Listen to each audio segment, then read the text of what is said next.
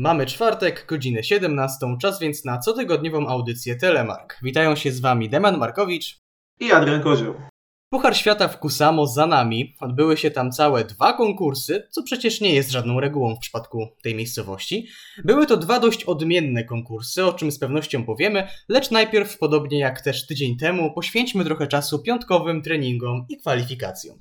W Kusamo, co jest chyba najistotniejsze, tak jeszcze zanim przejdziemy stricte do mm, skoków, nie zobaczyliśmy kadry A Austriaków. Niestety dopadł ich wirus, dokładniej bodajże czterech członków sztabu, w tym trzech skoczków.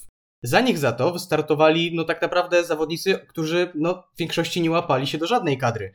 Bo byli to Manuel Fettner, David Hagen, Timon Pascal Kachofer, Clemens Leitner, Markus Schiffner i Marco Vergeter. I podstawowe pytanie, gdzie się podział Clemens Aigner? No, faktycznie ciężko to powiedzieć, skoro wchodzi jakiś y, zawodnik, który się nazywa, my tutaj oczywiście to jest Timon Pascal Kochofer, my z, y, z, moimi znajomymi, których pozdrawiam z tego miejsca z podcastu Bez Nartani Róż, y, nazywamy go pieszczotliwie Pumba Okrasa Grzejnik. Wchodzi sobie do zawodów, a nie wchodzi właśnie Clemens Eigner. No cóż, no najwidoczniej taką decyzję zdecydował się podjąć sztab, więc no trzeba im zaufać, że jest to w tym momencie lepszy zawodnik, co w sumie po części pokazały też zawody. No też nie da się ukryć, że Austriacy mają akurat takie bogactwo, że zastąpienie jednego czy drugiego to tak naprawdę wiele nie zmieni w kontekście ich punktów. No może poza oczywiście brakiem kadry A, której no tak naprawdę pierwsza poważna reprezentacja, którą dopadł, dopadł, no dopadło to nieszczęście w postaci wirusa. Zgadza się, no mm, troszkę stracili Austriacy na początku tego sezonu, no stracą też, przynajmniej wiadomo, że część z nich straci też zawody w Niżnym Tagile, ale wydaje mi się, że z tego powodu akurat nie powinni być specjalnie smutni. Tak, na Ruka Tonturi nie zobaczyliśmy też Rosjan, ponieważ pozytywny wynik testu na koronawirusa otrzymał Michał Maksimoczkin, aczkolwiek w Niżnym Tagile powinni już Rosjanie normalnie wystartować. No, nie, możemy się chyba zgodzić, że raczej ich nieobecność w Kusamo nie była bardzo odczuwalna, może poza Jewgenijem Klimowym. To, to jest prawda, tam tylko w zasadzie Jewgenij Klimow skacze na takim, no może nie dobrym, ale no przyzwoitym powiedzmy poziomie, poniżej pewnego poziomu nie schodzi, jeśli już to, to bardzo rzadko przydarzają mu się, mu się wpadki w odróżnieniu oczywiście od niezwykle sympatycznych kolegów z reprezentacji. Przechodząc już do samych treningów, Sruka Tonturi najlepiej przywitał się zdecydowanie Halvor Egner Granerud, który utrzymał tę dyspozycję do końca dnia. On w treningach był pierwszy, pierwszy i drugi. I co mnie zaskoczyło, na pierwszym treningu zaskakująco słabo zaprezentował się lider Pucharu Świata Markus Eisenbichler, ledwie 84 metry. To już nawet Murańka w kwalifikacjach do drugiego konkursu skoczył dalej. No to prawda, tutaj Markus Eisenbichler widać e, na przetarcie potrzebował skoku. E, nie, nie najlepiej sobie z tym poradził, ale jak widać później wziął się do, e, do kupy, a co potem, no to już, jak to się mówi, reszta jest historią. Też te treningi były. Generalnie nie wiem, czy można je oceniać miarodajnie, no jak to treningi, ale chociażby spojrzeć na belki. 13, 15, 17, Eisenbichler to w ogóle z 11, Brysadola, który był pozycję przed nim z 19. W drugim treningu troszeczkę było już normalniej, w trzecim no, widzę, że nawet 20 belki się pojawiły. Zgadza się, no i te, te kwalifikacje, które były, to też e, zanim powiemy o wynikach tych kwalifikacji, no to trzeba powiedzieć, że no, mimo, że no nie, nie było zaskoczeń jakichś olbrzymich w czołówce, no to jednak losowość e, i, i, i w ogóle stopień trudności skakania tam przy wietrze w plecy około 2 metrów na sekundę, no to jakiś żart. Trzeba powiedzieć też, że w treningach bardzo solidnie zaprezentowali się Polacy, chociażby w pierwszym treningu, czwarty stoch, dziesiąty Murańka, dwunasty Paweł Wąsek, to też bardzo dobry występ, drugi trening, najlepszy w wykonaniu Polaków, czwarty Żyła, szósty Murańka, siódmy Stoch, ósmy Stękała, jedenasty Kubacki, w trzecim był chyba, było chyba relatywnie najgorzej, ale i tak, trzeci Żyła, siódmy Kubacki. Jak najbardziej mogliśmy spodziewać się bardzo udanych zawodów. Oczywiście, że tak. To mm, po tej, po, po, po bardzo dobrym występie naszych w Wiśle, zdaje się, że właśnie e, nasi zawodnicy nabrali wiatru w żagle i od pierwszych skoków w zasadzie już tych treningowych w Kusamo dało się odczuć, że to może być dobry weekend dla nas i okazało się, że no te przesłanki były no dosyć miarodajne, trzeba to powiedzieć. Jeśli jeszcze kończąc temat treningów, chciałbym zwrócić e, szczególną uwagę na dwóch zawodników z zagranicy, dokładnie Johan Andre Forfang i jeden z Twoich ulubieńców Andrzej Semenić. Forfang, który tak naprawdę dopiero teraz zaczyna sezon, ponieważ nie wystartował w Wiśle, okazał się gorszy, co ciężko nam było uwierzyć, od Robina Pedersena. Pierwszy trening 16, drugi 34 i w trzecim był ósmy, czyli takie dobre przetarcie. Ale Semenic, to jest ciekawe, ósmy, dwudziesty drugi, dwunasty, czyli tak naprawdę dyspozycja wskazująca na jakieś solidne punkty. Te punkty się pojawiły oczywiście, ale nie były aż takie solidne. Tak, to prawda, no ale to jest cały Andrzej Semenic, można powiedzieć, on e, na treningach czasem potrafi odpalić zasadniczo nie wiadomo skąd, no a później przychodzą zawody, gdzie trzeba się mierzyć jak równy z równym z zawodnikami z topu i no i pokazuje, tak naprawdę pokazują mu jego miejsce w szeregu, można powiedzieć, koledzy i starsi i młodsi. Tak teraz przeglądam, to jeszcze na trzecim treningu w oczy rzucił mi się Giovanni Bersadola, 13 miejsce. Tak, no i później y, może nie w 100%, ale zdołał jak na jedne z tych zawodów przynajmniej po części ten wynik przenieść. Dokładnie. Jeśli chodzi o kwalifikacje, były one całkiem udane, żeby nie powiedzieć bardzo dobre w wykonaniu Polaków. Weszło, mm, cała szóstka weszła do konkursu, a wygrał je Dawid Kubacki. Do tego momentu 100% kwalifikacji wygrywali Polacy. Nadzieję też widzieliśmy po postawie Kamila Stocha, który zakończył je na dziesiątym miejscu. Po słabszej Wiśle jednak chcieliśmy szukać tych pozytywów. Ale coś, co trzeba przede wszystkim powiedzieć w kontekście tych kwalifikacji, to fakt, że ponownie kwalifikacje wyglądają trochę jak no, jak żart, delikatnie mówiąc, albo no, trening co najwyżej, ponieważ 17 Bor Pauloucic był ostatnim zawodnikiem, który przekroczył tę niebotyczną barierę 100 punktów, a 50 Wojtek Sztursa, który dostał się jako ostatni do konkursu, no wystarczyło mu do tego 65,1 punktu. Ech, no trzeba przyznać, że no te kwalifikacje, delikatnie rzecz ujmując, nie stały na zbyt wysokim poziomie. To jest naprawdę bardzo delikatne powiedzenie, no bo to te skoki na poziomie 90 paru metrów, które dawały spokojną wręcz kwalifikację do konkursu. To, że zakwalifikował się Wojtek Sztursa kosztem Naokiego Nakamury czy Timiego Zajca, który w ogóle miał katastrofalny ten weekend. No, trzeba przyznać, że no, kwalifikacje. Myślę, że gdyby można było jeden z tych dni wymazać z pamięci, to z pewnością wymazalibyśmy z nich piątek. Jeszcze a propos Naokiego, to przegrał kwalifikację jedną dziesiątą. Myślałem, że to myślałem, że wspomnisz o tym, bo spodziewałem się, że to zauważysz. Nie, bo dla mnie to już jest, y, że tak powiem, normalna rzecz, że on odpada albo w, albo w kwalifikacji, albo w pierwszej serii. Y, nienormalna sytuacja jest, y, kiedy on w ogóle wchodzi do drugiej serii i o tym sobie jeszcze dzisiaj powiemy.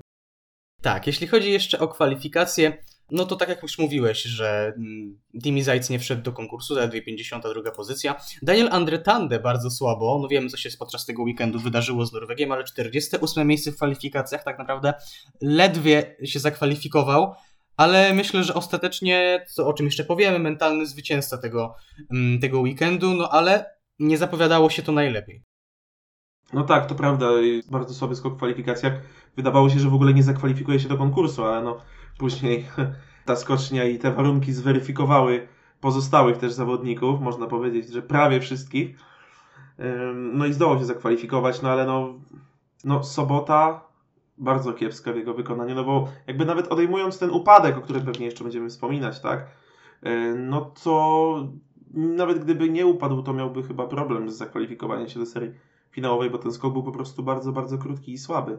Jeśli chodzi też o kwalifikacje, to chciałbym zwrócić szczególną uwagę na McKinsey Boyd Clawsa i tutaj chciałbym też coś zweryfikować, ponieważ z tego, co dochodziły do nas informacje do szerszego mm, spektrum, McKinsey Boyd Class miał problem z, ze swoimi rzeczami po prostu w Kusamo. Nie wiem, tam nie, nie dojechały mu narty czy kombinezon. Właśnie widziałem różne wersje wydarzeń, nie wiem, która część mu nie dojechała, ale tak sobie pomyślałem, że w sumie Marco Vergeter dostał dyskwalifikację może od niego właśnie pożyczył, nie wiem, kombinezon McKinsey Boyd Clubs, a Vergeter próbował po prostu w codziennych ciuchach y, oddać skok, no niestety sędziowie na to nie pozwolili.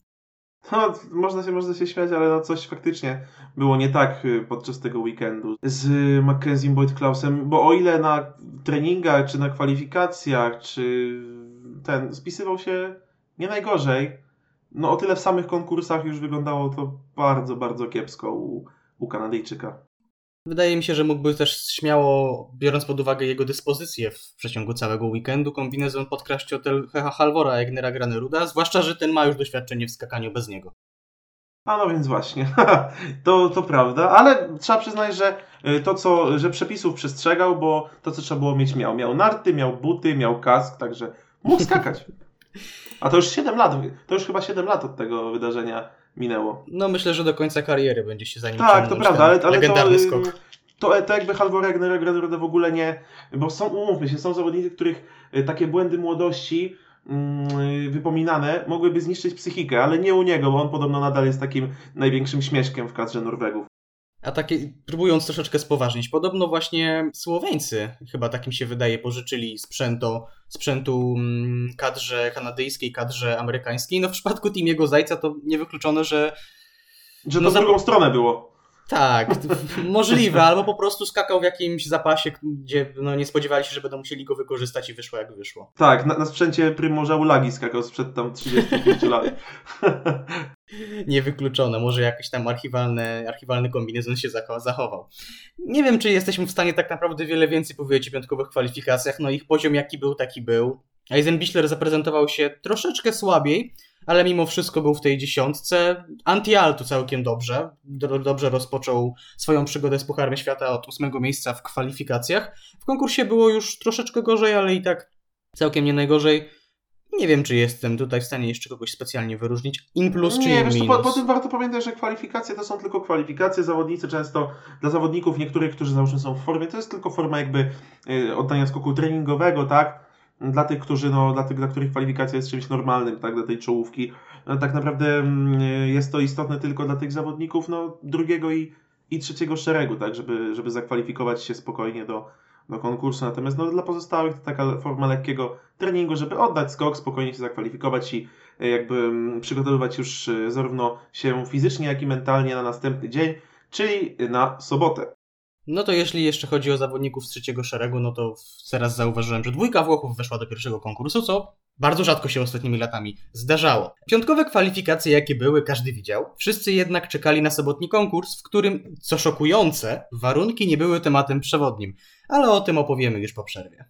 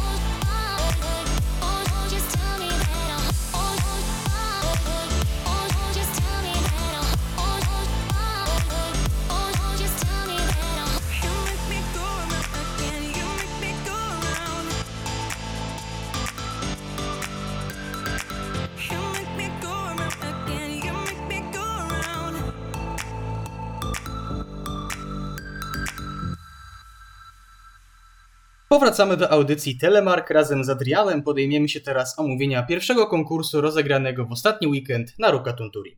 I tu trzeba powiedzieć, że była odbyła się najpierw wybitna seria próbna w wykonaniu Polaków. Aż sobie zapisałem pozycję. Stoch czwarty, Żyła ósmy, Wąsek dziesiąty, Kubacki dwunasty, Murańka szesnasty, Stękała osiemnasty. No żyć nie umierać. No to prawda, tylko brakowało, żeby ktoś jeszcze wygrał z naszych, tak można powiedzieć. Ale no, jak wiadomo, polski kibic zawsze niezadowolony, to prawda. Ale faktycznie zaprezentowali się nasi z bardzo dobrej strony. No i trzeba przyznać, że mało kto spodziewał się, że zdołają przenieść to na konkurs, bo są nazywani nasi zawodnicy od wielu lat już. Zwłaszcza ci zawodnicy, no, nie pierwszego garnituru, tylko ci, którzy tam skaczą, powiedzmy, troszkę rzadziej, troszkę słabiej, czyli y, zawodnicy typu y, Klemens Murańka, typu Andrzej Stękała i tak dalej. To tego typu zawodnicy są często nazywani mistrzami treningów, kwalifikacji i serii próbnych. No i czasami pucharów kontynentalnych. Dokładnie tak, więc no, wielu miało nadzieję, że y, uda się to w końcu, w końcu przenieść na konkurs i udowodnić samemu sobie, własnym kibicom i całemu światu, że jednak potrafią poziom z kwalifikacji y, i skoków treningowych przenosić także na y, konkursy. Seria próbna to ponowny pokaz dominacji tego podczas tego weekendu na Rukaton Turi, Halvora, Egnera, Graneruda, ale co ciekawe, Daniel Andre Tande po tragicznych kwalifikacjach w serii próbnej zajął trzecie miejsce. Naprawdę szalony weekend Norwega, ale no, mogliśmy się tutaj spodziewać, że Tande po miernej Wiśle tym razem nie tyle zapunktuje, co on naprawdę solidną pozycję wywalczy, może nawet w czołowej dziesiątce. No jak się okazało, niestety startujący jako drugi Daniel Andre Tande w konkursie no niestety upadł, ale to też nie była wina tego, powiedzmy, warunków, tylko wydaje mi się, że po prostu po uzyskaniu słabej, po słabej odległości, bo to było chyba... Rozluźnił ponad... się za wcześnie, tak. Tak, ledwo ponad 100 metrów, rozkojarzył się zbyt wcześnie i niestety przypłacił to upadkiem, bardzo groźno wyglądającym, zwłaszcza, że Daniel Andretande nie podnosił się długo z zeskoku, musiał tak, Tak, naprawdę... tam, tam wiele było ten, jakieś tych, że to, że problemy z kolanem, ale na szczęście tylko, tylko zbicie, stłuczenie bo on w ogóle nie pojechał do szpitala, został w karetce opatrzony i normalnie kulejąc, bo kulejąc, ale doczłapał się tam do, do, do domków Norwegów. Także bardzo pozytywne informacje mimo wszystko, um, że udało mu się w tym drugim konkursie wystartować, ale do tego też jeszcze przejdziemy. Tak, ten skok, ten skok z serii próbnej um, Daniela Andretandego, jakby ktoś zdję zrobił zdjęcie, to jest coś z cyklu zdjęcie zrobione na kilka sekund przed katastrofą. Można się teraz śmiać, ale no naprawdę trzeba się też cieszyć, że Danielowi nic się nie stało, ponieważ nie, nie chodzi mi, chodzi mi o to, że, że, że, nic nie zwiastowało po skoku serii próbnej, że on w, w konkursie skoczy 106,5 metra. Tak, tak, jak najbardziej. No zwłaszcza, że fakt, że tej kontuzji jednak nie ma, daje mu szansę na powalczenie o obronienie tytułu y, Mistrza Świata w lotach wywalczonego dwa lata temu. Oczywiście, że tak. Zresztą Norwegowie na pewno będą bardzo, bardzo mocni, chociaż ym, jak na razie falstart zaliczają, ale właśnie może to jest właśnie powodem tego, że chcą przygotować się do Mistrzostw Świata w Planicy, które już za półtora tygodnia.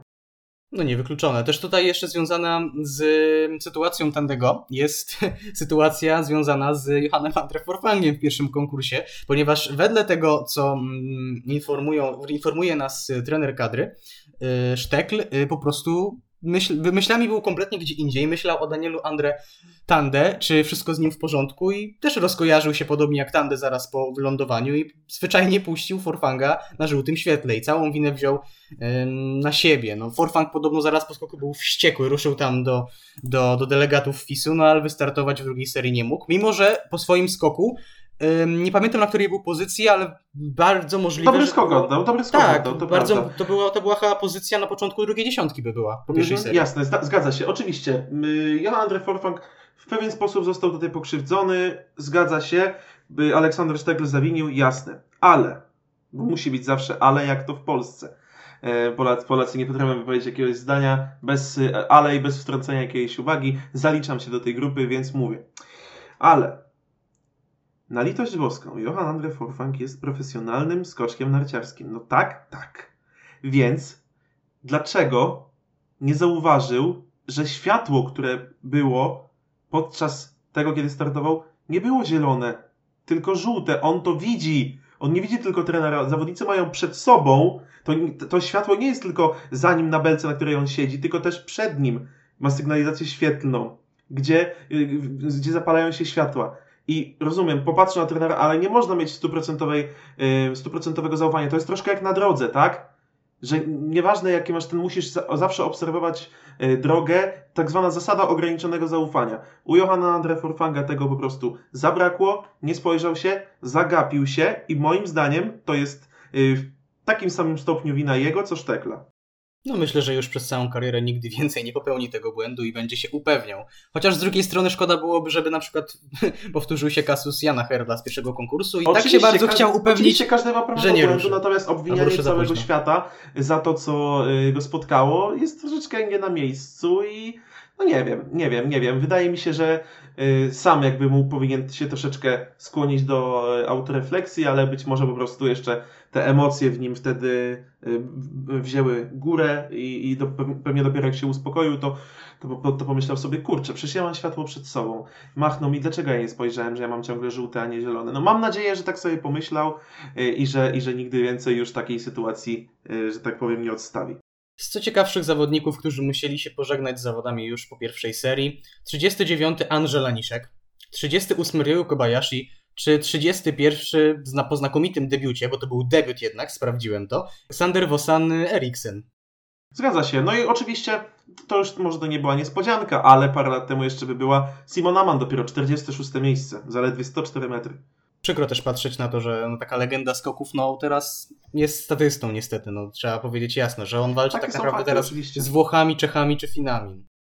No niestety tak to wygląda u, u Simona i ciężko powiedzieć, czy, czy jest tutaj szansa na poprawę. Być może jest, ale tutaj no, w takim wieku niestety trzeba pracować tak samo ciężko albo i nawet dwa razy ciężej niż reszta stawki, żeby osiągać jakiekolwiek rezultaty.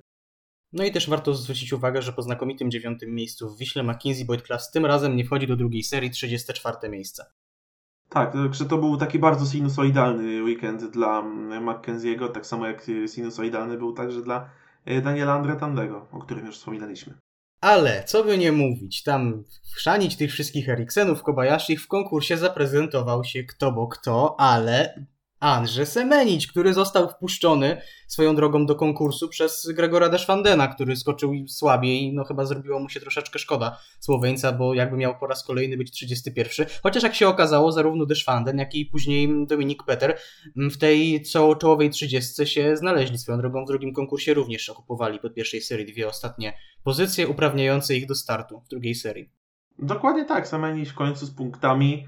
Może to nie były jakieś szalone skoki, które by tutaj nie wiadomo w jakiej zachwyt nas wprawiały, no ale punkty zdobył i myślę, że może być zadowolony. Jeśli chodzi o kadrę Austrii B, no bo tak to trzeba powiedzieć, może nawet częściowo C, bo tam nie wszyscy byli tak naprawdę w kadrach. Po pierwszej serii Manuel Fettner 15, Markus Schiffner 19, Clemens Leitner 20. Mm, Do drugiej serii nie weszli Timon Pascal Kachofer i Dawid Hagen, no a o Marko Vergotrze już, Vergotrze, Vergoterze, mówiliśmy już, że nie przebrnął kwalifikacji. No jeżeli tak ma skakać y, tak naprawdę rezerwa Austrii, no to pozazdrościć, chociaż niewykluczone, że w Niżnym Tagile Polacy tak będą skakać. Tak, to się zgadza. Tutaj oczywiście zatrzymując się jeszcze na chwilę przy Austriakach, bodajże Clemens Leitner skakał z takim bardzo szykownym wąsikiem.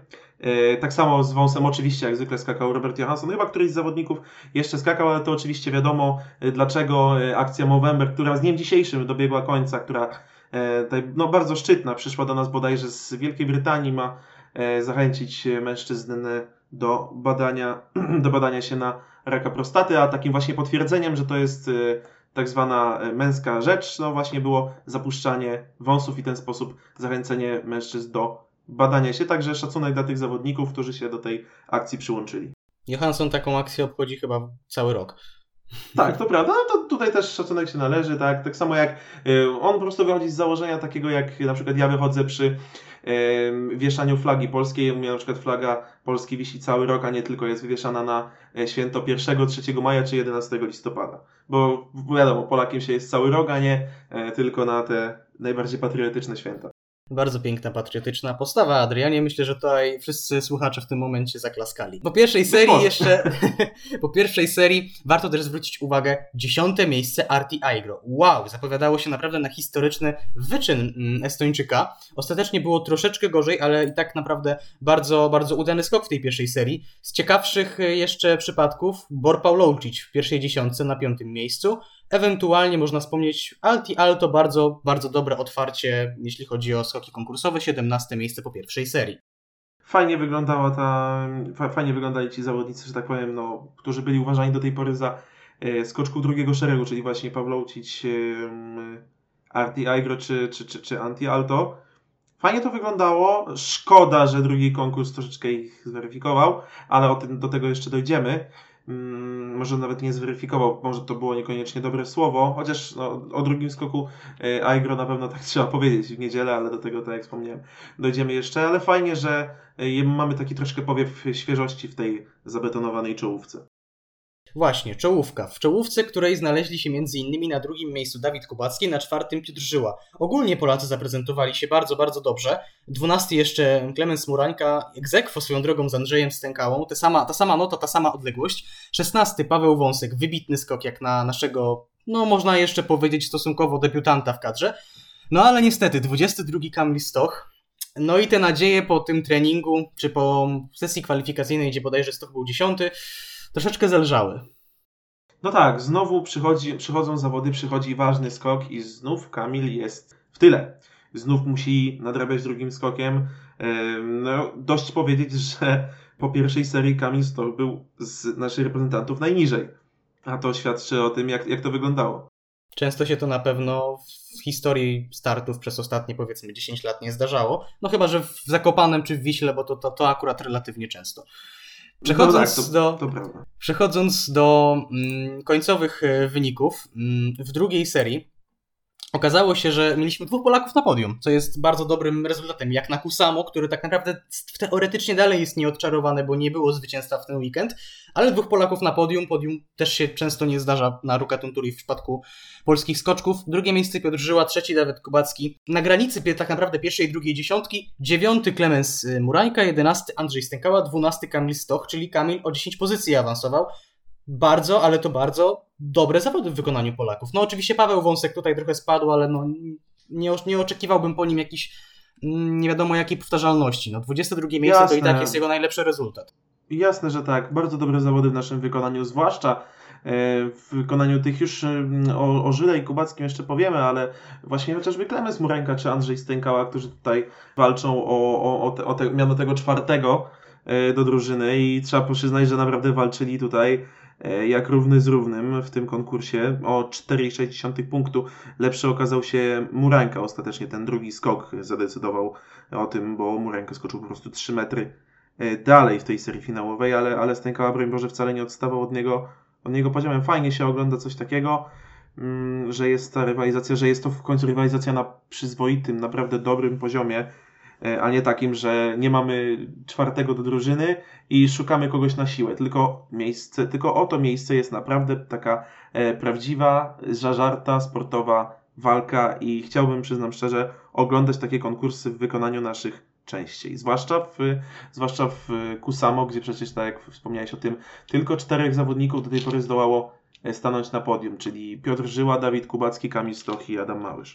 No i wydaje mi się, że jakbyśmy tak mieli drużynówkę wszechczasów zorganizować, to właśnie ta czwórka byłaby, mm, jakby reprezentowałaby Polskę. Jeszcze chciałem tu zwrócić uwagę, że Kamil Stoch, to już, to już nie widzę ze statystyk, ale zapamiętałem z em, relacji e, z, komentator, z tego, co mówili komentatorzy.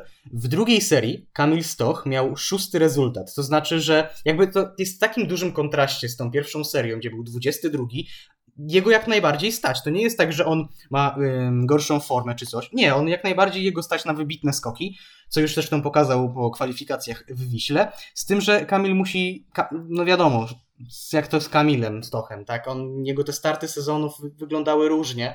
Co prawda dwa lata temu bodajże rozpoczął od drugiego miejsca w Wiśle, ale później było delikatnie gorzej. No starty w jego, sezonu w jego wykonaniu wyglądają no nie najlepiej. No wydaje mi się, że po weekendzie w Kusamo będzie lepiej, zwłaszcza, że teraz kadra A wraca do Polski i będzie po prostu przygotowywać się pod kątem Mistrzostw Świata w lotach, no, w które niewątpliwie Kamil celuje, tak? Tak, już celował w, zeszłym sezonie, kiedy to miały się odbyć, dlatego tak bardzo było mi go szkoda, bo widziałem, że im bliżej było tych Mistrzostw Świata, tym bardziej forma Kamila szła w górę i to było udowodnione także wynikami, przecież ostatnie e, konkursy wygrywał właśnie Kamil, Rower też wygrał on, więc no szkoda, że jakby nie udało się, no ale miejmy nadzieję, że Kamil coś jeszcze przygotował dla nas e, i wyciągnie to z rękawa podczas Mistrzostw Świata w Planicy i teraz podczas tych y, przygotowań jeszcze, jeszcze bardziej dokręci tę śrubę w swoich przygotowaniach, więc trzymajmy kciuki. No to powiedzmy też jeszcze o dwóch mm, najjaśniejszych oprócz Polaków postaciach z mm, tych zawodów, czyli pierwszy Markus Eisenbichler. Pochwalę się, że udało mi się tym razem po raz drugi, znaczy tym razem po raz drugi udało mi się Markusa trafić jako zwycięzcę zawodów. I czwarty Halvor Egner Granerud. Drugi raz czwarty. Już tak się spodziewałem na drugich zawodach, że jeżeli trzeci raz będzie czwarty, no to psycha mu może trochę siąść. No jak się miało okazać, jednak nie. Ale Jednak, Markus... jednak nie, na szczęście już wszyscy myśleli, że będzie takim y, o jedno miejsce lepszym drugim Maciejem Kotem. Albo Piotrkiem Żyłą z sezonu temu, czy z dwa sezony temu. On też miał chyba serię cztery razy, był czwarty. Z rzędu. Tak, tak, tak, coś było takiego. No, tak, tak, tak. I, a i też było, że y, dwa sezony temu, że zaczął sezon i miał same drugie i trzecie miejsca i nie mógł wygrać. Tak. No, mm, jeśli chodzi o tych dwóch zawodników, no to jeszcze bardzo kontrowersyjne są noty, jakie dostali, ponieważ przepytany był o to polski sędzia, którego niestety nazwiska nie pamiętam, który sędzi- wystawiał noty w mm, tych zawodach. Był właśnie pytany pamiętam o... tylko dwóch, pamiętam tylko dwóch. Marka Siderka i Tadeusza Bafie. In, innych nie znam. No niestety, słabo się tutaj przygotowałem. Wiem, że miał na imię Ryszard, ale to, to tylko. No to pana Ryszarda w każdym razie noty, jakie Mhm. wystawił dla e, Markusa Eisenbichlera i Halvora Egnera Graneruda, m, że były po prostu za wysokie. No, lądowania w przypadku ich skoków no, pozostawały wiele do życzenia, ale podobno za samo lądowanie sędziowie mogą odjąć do półtorej punkt, półtora punktu. Ewentualnie można byłoby się przyczepić do e, tego, co się dzieje w fazie lotu, ale no tutaj raczej wydaje mi się, że zarówno w przypadku Niemca, jak i Norwega, no mm, raczej nie było się do czego przyczepić, ale te lądowania no były no Szczerze, gdybym ja był sędzią, to bym dał co najwyżej 17,5, nie więcej, absolutnie. A oni dostali bodajże oceny 18,5, 19, jeśli dobrze kojarzę. Zdecydowanie, zdecydowanie zawyżone. Zawyżone te noty. My żeśmy z moim y, tutaj tatą mówili tak troszkę złośliwie, z przekąsem, ale nie wiem, czy nie ma w tym nic, że po prostu e, dostali za nazwisko i narodowość wyższe noty. No Granerud chyba bardziej za narodowość, jednak on nie jest aż tak wyrobioną marką w świecie skoków. No dokładnie tak. Ale co ciekawe, polski sędzia musiał tłumaczyć się za noty Kamila Stocha. To też jest bardzo ciekawe, bo nie, no, Kamil znany jest z tego, że jest stylistą, a jednak jako jedyny y, dał mu chyba dziewiętnastkę, jeśli się nie mylę, ze wszystkich sędziów. No tak, to jest, y, to akurat jest dziwne i to będzie zawsze to, że tu jest stronniczy ktoś ze swojego kraju, tu nie jest, y, ale z kolei do polskiego sędziego mam taki zarzut, że w jednym z konkursów bodajże tutaj Yuki Sato skoczył y, piekielnie daleko, czy to, czy to było, w, nie, w konkursie chyba, a polski sędzia dał mu chyba 17,5, a, a wylądował telemarkiem. To też jest ciekawa sprawa, bo wiesz, z jednej strony jest dyskusja, czy zawodnicy, którzy lądują poza punktem HS powinni być oceniani za brak telemarku, jakby ten skok jest z natury taki daleki, że po prostu praktycznie nie da się tam wylądować telemarkiem, a teraz, kiedy te noty właśnie były po 18-19, no to też jest burza, że zawyżone, no to musimy jakoś dojść do jakiegoś konsensusu chyba. Zgadza się. To tutaj, no, jakby tutaj sędziowie oczywiście ponoszą za to odpowiedzialność, no bo mają wytyczne, według których muszą, mają oceniać skoki zawodników, a mimo to sobie z tym nie radzą, więc może tutaj e, skład personalny jest, e, jest do wymiany, bo jakby no, przepisy trzeba znać jako, jako sędzia i egzekwować je w odpowiedni sposób. Ja bym Także- powiedział, że to jednak zawiniła technologia, bo z tego co właśnie czytałem wywiad z polskim e, sędzią, to oni nie mają do dyspozycji powtórek. Oceniają tylko po prostu to, co widzą jeszcze z, no, z dużej odległości. Jeśli tak faktycznie jest, to tutaj, że tak powiem, fis z rakiem. Być może ten e, sędzia, którym, którym mówiłeś, Richard, to, to jest e, pan Ryszard Guńka. O, dobrze, że sprawdziłeś. Troszeczkę profesjonalniej wyszliśmy w tym momencie. Chociaż troszkę. Tak, jeżeli chodzi o zawody mm, sobotnie, zauważ, że jak pięknie mówić o Kusamo, kiedy ani razu w pierwszym konkursie nie pada słowo warunki. Po prostu żyć, żyć nie umierać. Ani, dokładnie, i nikt nie zalicza upadku w powietrzu, nikt nie ma żadnej groźnej sytuacji w powietrzu i tak dalej, i tak dalej. A jedyny upadek, jaki był w tym konkursie, to był Daniel Andretando, o którym już tutaj mówiliśmy i tutaj warunki nie miały z tym absolutnie nic wspólnego. Przyznam szczerze, jako no niezbyt y, optymistycznie nastawiony do zawodów w Kusamo człowiek, tak to eufemistycznie ujmę, naprawdę dobrze się bawiłem podczas sobotniego konkursu. Ja również, ja również podzielam Twoją opinię, no ale niestety niedzielny konkurs musiał wypaść troszeczkę w, kontrak- w kontraście do tego sobotniego. No ale tak, tym- Ruka musiała o sobie przypomnieć. Tak, o tym jednak, co wydarzyło się podczas drugiego konkursu i co o tym sądzimy, dowiecie się już po chwili z muzyką.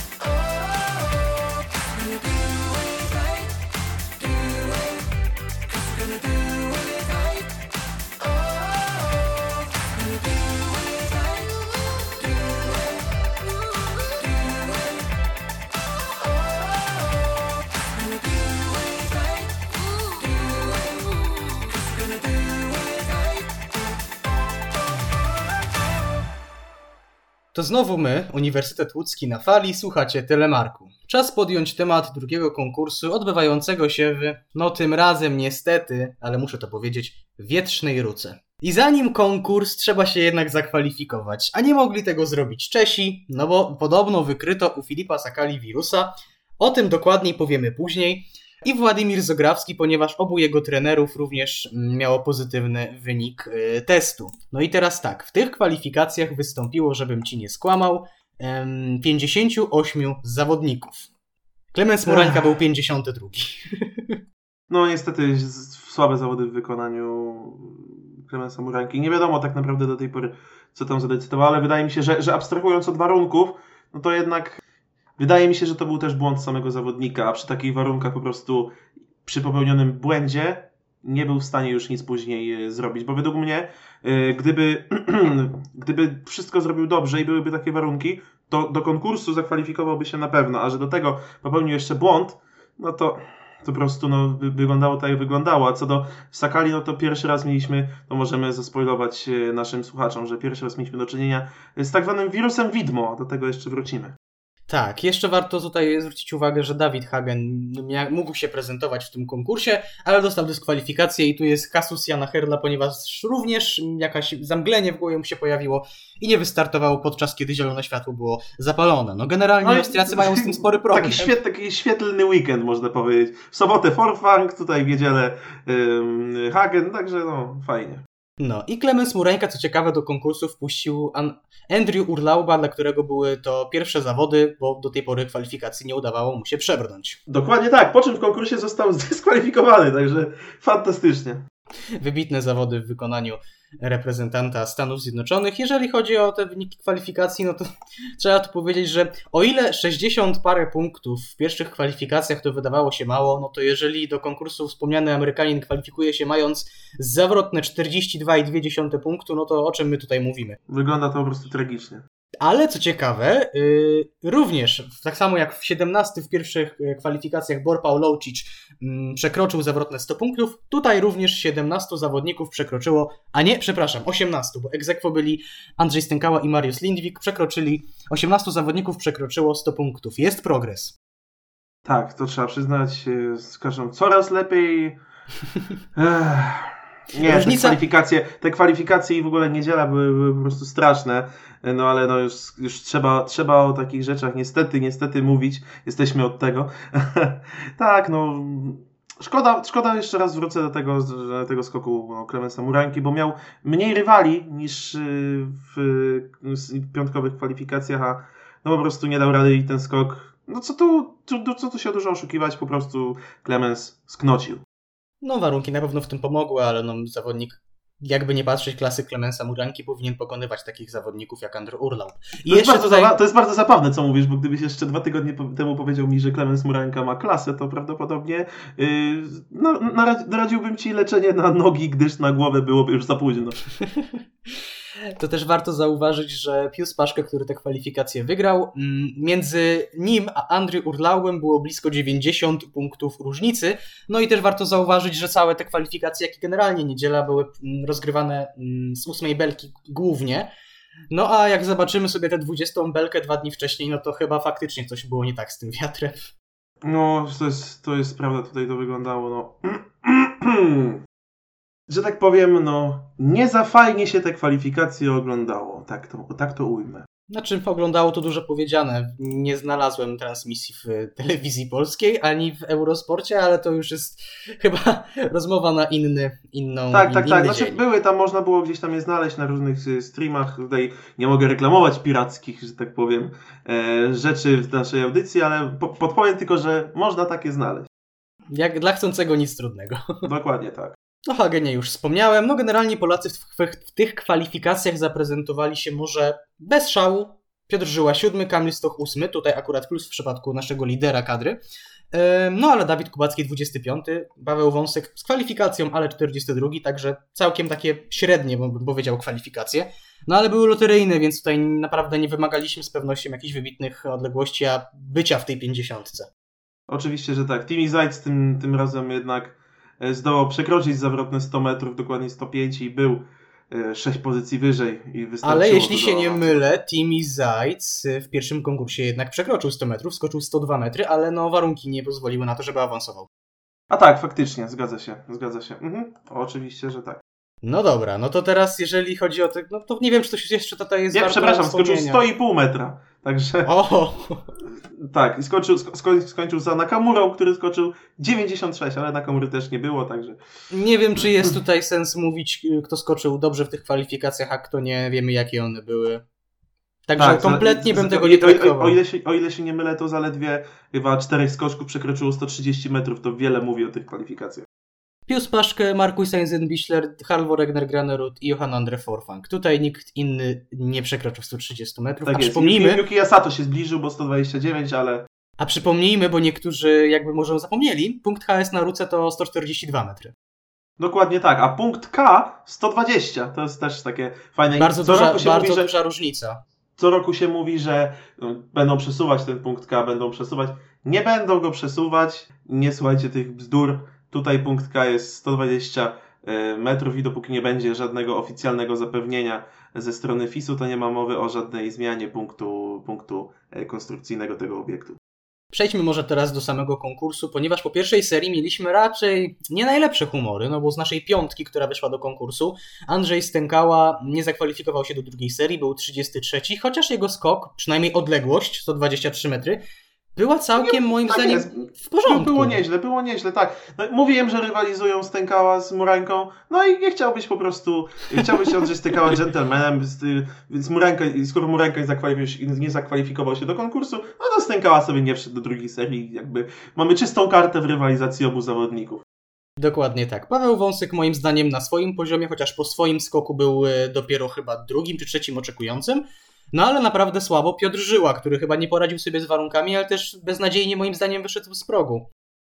To prawda, w obydwu seriach mieliśmy do czynienia z tym. No warunki oczywiście były tam trudne, ale i przed nim i po nim zawodnicy potrafili odlatywać na dalsze odległości. No, wspomnę o teorii, którą mamy razem z moim tatą, że po prostu Piotrek, świętując wysokie miejsce swoje i Dawida Kowackiego, prawdopodobnie w sobotę sobie zabalował, stąd w niedzielę nieco słabsza postawa, ale do trzydziestki wszedł, więc odpuszczamy.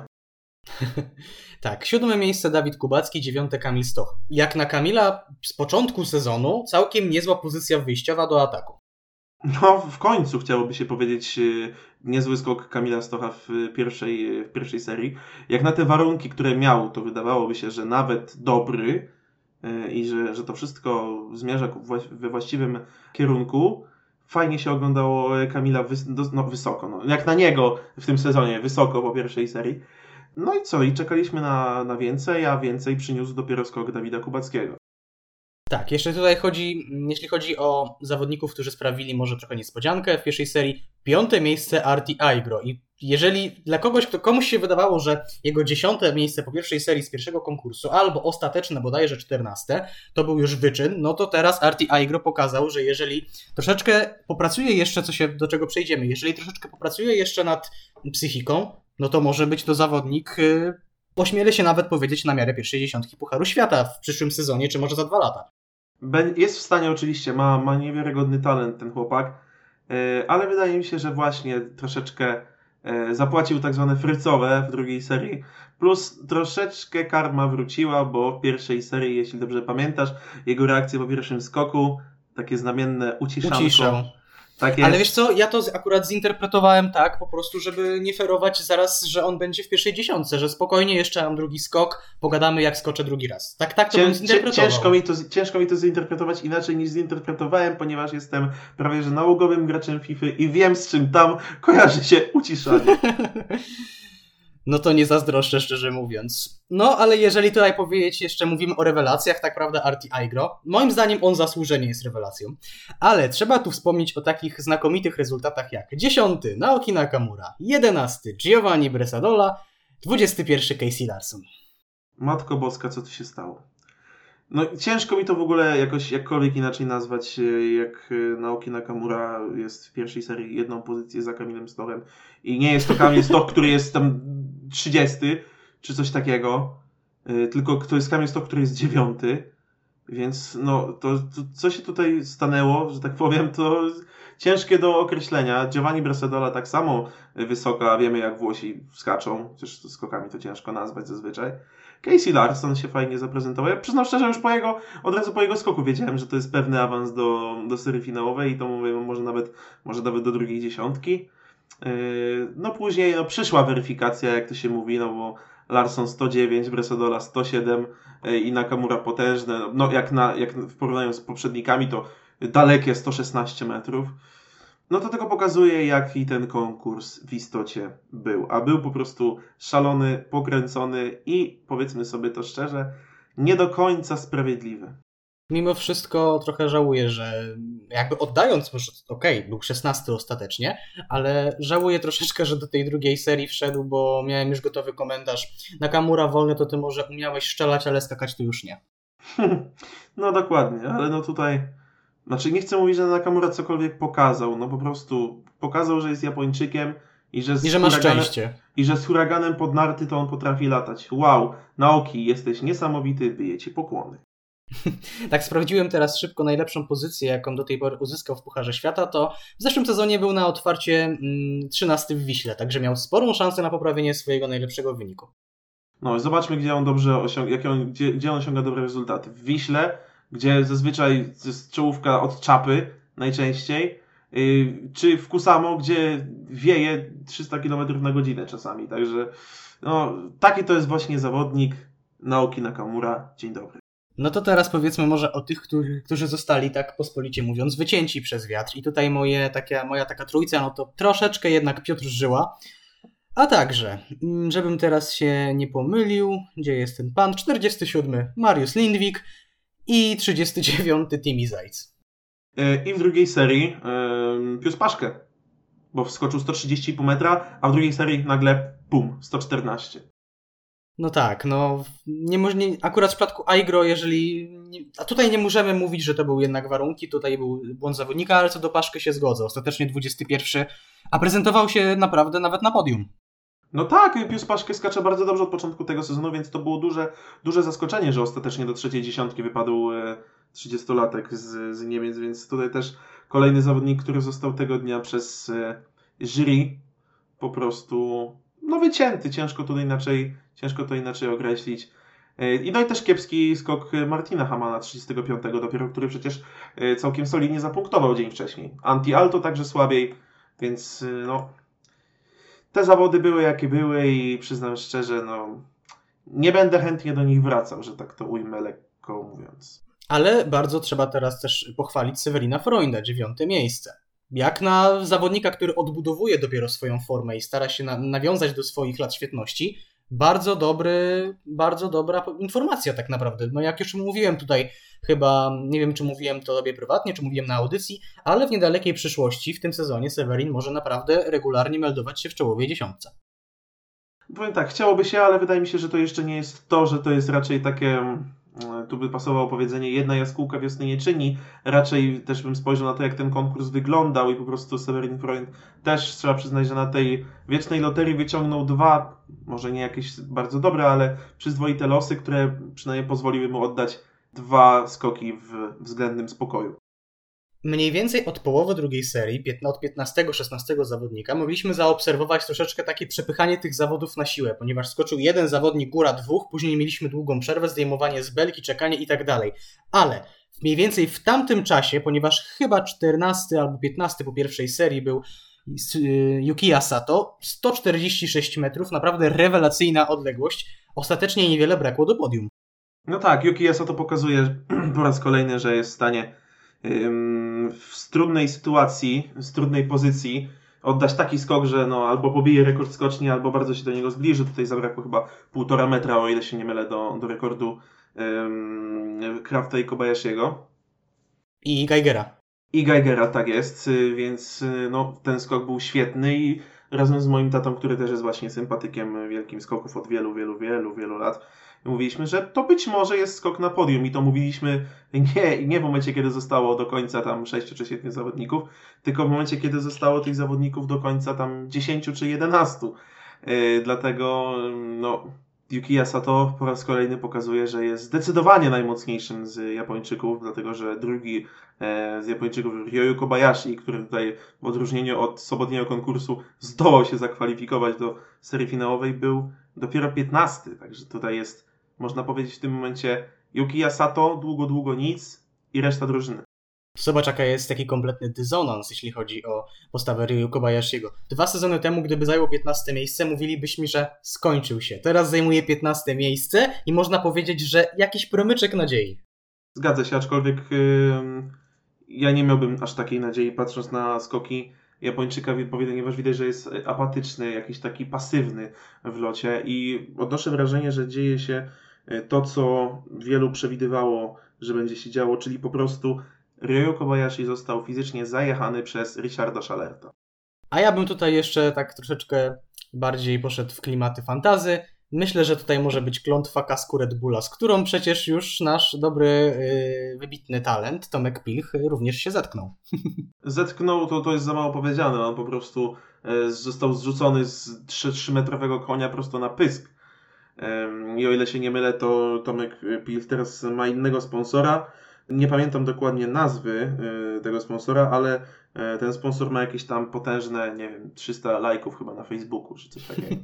Także, ale przynajmniej skacze bez zbędnej presji w tym momencie Tomek Pilch. Zobaczymy, jak się zaprezentuje w niżnym tagile. No i to co do tych zawodników jeszcze z Red Bullem na kasku, no to Andreas Wellinger oczywiście 34 miejsce w sobotę, natomiast w niedzielę 42, także fantastyczne zawody w jego wykonaniu. Dokładnie. No tutaj trzeba jeszcze wspomnieć e, o dominujących postaciach e, podczas tego drugiego konkursu. Markus Eisenbichler po pierwszej serii wydawało się, że będzie nieosiągalny. Ponad 10 punktów przewagi wypracował nad wówczas drugim e, bodajże Robertem Johanssonem albo, albo Angela Niszkiem. Który z nich był drugi? Już nie pamiętam. A okazało się, że w drugiej serii pojawił się taki Halvor Egner Granerud, który skoczył 142 metry, wylądował bardzo ładnie i to on ma prawie 10 punktów przewagi nad Eisenbichlerem, ale no umówmy się, Markus jednak drugiego skoku no nie zaliczy do udanych. Ja tam miałem cichutką nadzieję, że może wyląduje za Kubackiem, ale jednak ta przewaga była zbyt wielka. Tak, ta przewaga z pierwszej serii nad Kubackim to było w okolicach, jeśli się nie mylę, około 19 punktów. Tak więc nawet to, że mm, Markus z tej drugiej serii, no, no ten skok po prostu schrzanił. Nie, mów, nie, nie mówmy, że, że było inaczej. Mimo tego, że no, warunków może najlepszych nie miał, zresztą cholera wie, co tam było wtedy w tych warunkach w powietrzu. Nikt nie wie. Tak naprawdę chyba tylko sami zawodnicy wiedzą. Mm, No to mimo wszystko no, za krótko, za krótko skoczył y, Markus, jakiś błąd najpewniej. Potem pewnie został jeszcze zduszony przez te warunki, no i ostatecznie e, druga, druga pozycja, 5,5 punktu przed e, Dawidem, nie, 6,5 punktu przed e, Dawidem Kubackim i prawie 10 za Halvorem Egnerem Granerudem, który wygrywa i dodajmy to, patrząc na odległości uzyskiwane przez niego podczas tego konkursu, wygrywa no, zdecydowanie w 100% zasłużenia. No i też trzeba powiedzieć tutaj na zakończenie tego wejścia, na zakończenie omawiania tego konkursu, że wreszcie Kamil Stoch oddał tak naprawdę dwa w miarę solidne skoki, które od razu tak naprawdę dały mu miejsce w pierwszej dziesiątce. Oby tak dalej, panie Kamilu. Dokładnie tak, trzymamy kciuki i liczymy na więcej. Weekend z Pucharem Świata został więc omówiony, czas przejść do ocenienia postawy poszczególnych skoczków. Tym jednakże zajmiemy się po przerwie na nutkę albo dwie.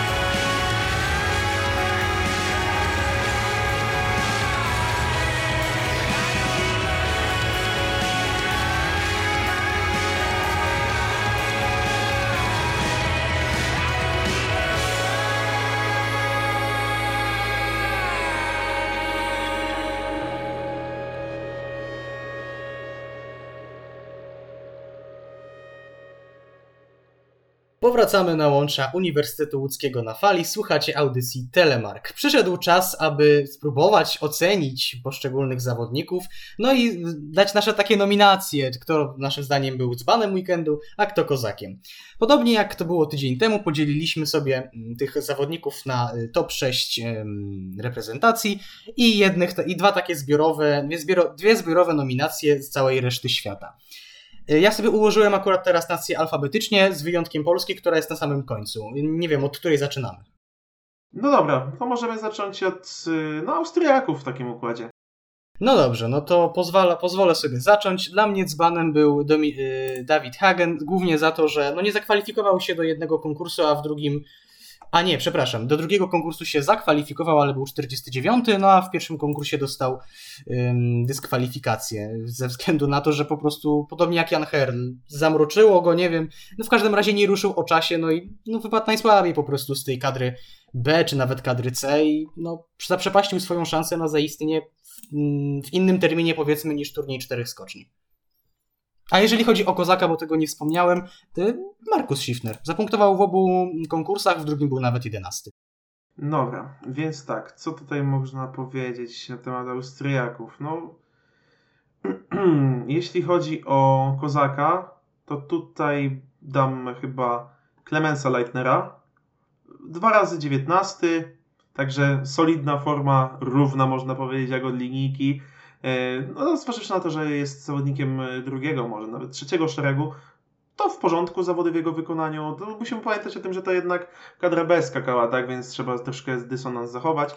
A tym dzbanem, no jak najbardziej jest tutaj Dawid Hagen i tutaj chyba nie podlega to żadnym, e, absolutnie żadnym wątpliwościom.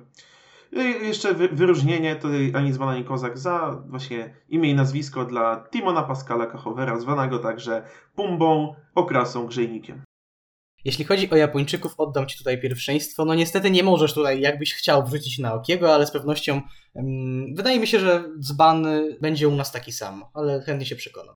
Powiem tak. Na początek chciałem tutaj umieścić Ryu Kobayashiego. Ponieważ skoczył beznadziejnie w sobotę nie zakwalifikował się do drugiej serii. No tragedia w ogóle w jego wykonaniu. Ale tym konkursem niedzielnym troszeczkę jakby odsunął te moje myśli od niego, a skierował je ku Keiichiemu Sato, który podczas tego weekendu jako jedyny z Japończyków nie zapunktował ani razu, więc to on zostaje tym e, dzbanem w moim zestawieniu. E, natomiast kozakiem oczywiście nie kto inny jak Yuki Yasato zdecydowanie w tym momencie e, najmocniejszy skoczek w kadrze samurajów. Ja myślę, że powiedziałeś już wszystko u mnie, zarówno dzban, jak i kozak się zgadzają. A obu, w obu przypadkach są to zawodnicy z nazwiskiem Sato, którzy nie są braćmi, jak już mnie ktoś tam kiedyś poprawił. Podobnie zresztą jak e, uważani przeze mnie za braci zawodnicy o nazwisku Choi w przypadku Korei Południowej. Dokładnie tak. Chociaż wiek mają podobny i poziom prezentujący, prezentowany przez siebie również jest podobny.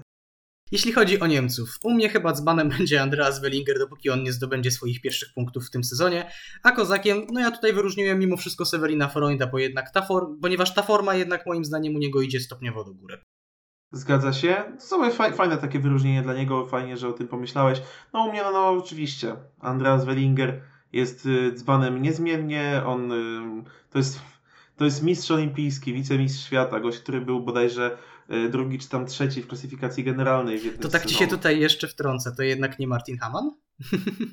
Nie, nie, nie, nie, jednak nie, jednak nie, bo chodzi o to, że już, już się odnoszę do tego. Ogólnie to Wellinger, natomiast muszę Hamana wyróżnić, yy, że tak powiem negatywnie, ponieważ wziąłem tego młodego chłopaka do swojego menedżerka skoków TVP i po prostu, eh, co by tu mówić, no w pierwszym konkursie pomyliłem się i nie dałem go do składu, dałem Shandera Woszana Eriksena, który był 31 w sobotę, także fantastycznie. Yy, bodajże Martin Hamann zdobył wtedy 19 punktów, to mówię, no to skoro ten Martin Hamann tak dobrze skacze, no to ja go dam do składu, no zdecydowanie, tak.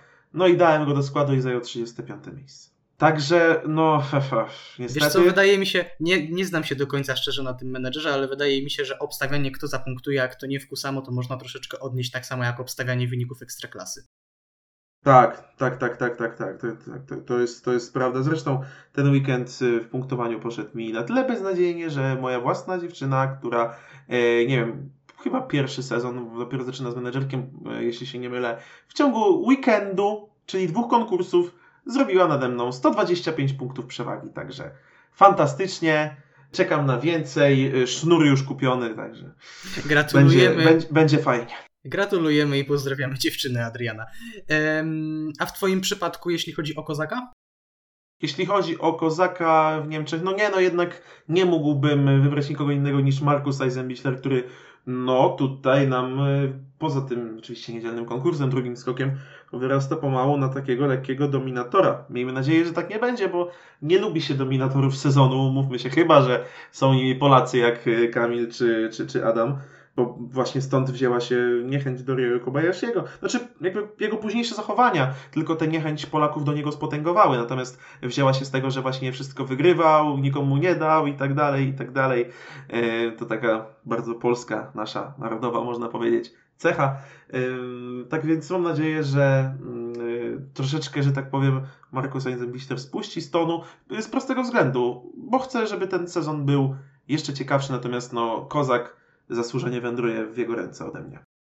Jeżeli chodzi o Norwegów, ja przydzieliłem tutaj dzbana zdecydowanie Sanderowi Wosanowi Eriksenowi, er, Erikse, Eriksenowi, dobrze, już myślałem, że przekręciłem nazwisko, a w którymś wejściu chciałem powiedzieć Johan, Sven-Goran Eriksson, to też jest ciekawa sprawa. Tak, no zaskoczył mnie negatywnie. Po swoim znakomitym debiucie, gdzie był 13, spodziewałem się, że chociaż zapunktuje w tym Kusamo, a może przy dobrych warunkach odleci tak, że nie wiem, powalczy może o jakieś sensacyjne podium. No niestety 31 i bodajże 34. Tak, właśnie sprawdziłem, także to jest mój dzban. A jeżeli chodzi o Kozaka, no to zdecydowanie Halvor Egner Granerud. Po mm, dwóch, po dwóch czwartych miejscach tym razem w drugim konkursie udało mu się wygrać. No i udało się tobie trafić jego jako zwycięzcę. Ja się biję w pierś, że typowałem Kamila Stocha, a zastanawiałem się właśnie nad Norwegiem. No w końcu coś mi się udało dobrze wytypować w skokach i to jeszcze na zawodach w Kusamo. To jest e, nieprawdopodobne, jaką ja mam fortunę. No bo nie powiem o wiedzy, bo tutaj jakby nie można mówić o wiedzy, to po prostu szczęście, że udało się tak dobrze to wytypować.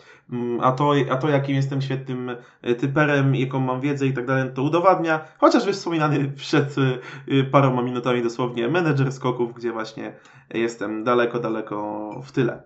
Cóż, jeśli chodzi o dzbana, e, no to bardzo bym chciał tutaj dać Wassonowi Eriksonowi, który schrzanił mi sytuację w menedżerku tego dzbana, ale jednak sytuacja z soboty nie pozwala mi nikomu innemu dać tego dzbana, jak do spółki tym, o których mówiłem, czyli Johan Andre Forfang i Aleksander Stekl, czyli szkoleniowiec kadry Norwegów, którzy do spółki zawalili e, sytuację Forfangowi, który oddał daleki skok, ale jak się okazało, na żółtym świetle i ostatecznie wyszło z tego, e, jak cytując e, budkę Suflera, zero, czyli nic.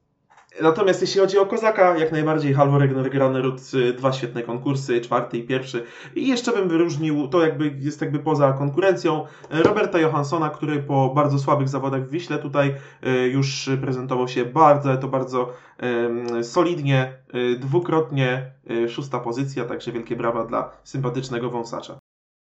Do Słoweńców może oddam tobie pierwszeństwo, bo tak co chwilę zaczynam. Ojej, Słoweńcy. No dobra, więc y, normalnie powiedziałbym, że chyba ten Bor Pawlowcic, bo siódme miejsce, bo nikt się nie spodziewał, bo to tak niespodziewanie i tak dalej, i tak dalej, i tak dalej, że to, że to było tak wszystko fajnie.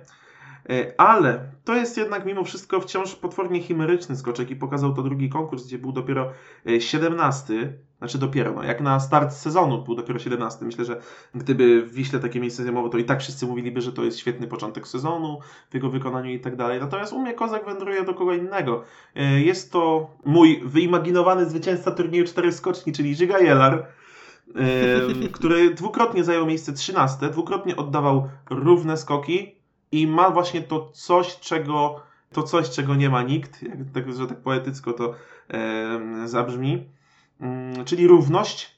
Jak jeszcze do tego doda chłopak tak z 5-10 metrów dalsze skoki, to myślę, że mogą mieć z niego Słoweńcy pociechę i to nie tylko na teraz, ale i na lata, bo ten potencjał u Ziggy Jelara jest i to bardzo duży.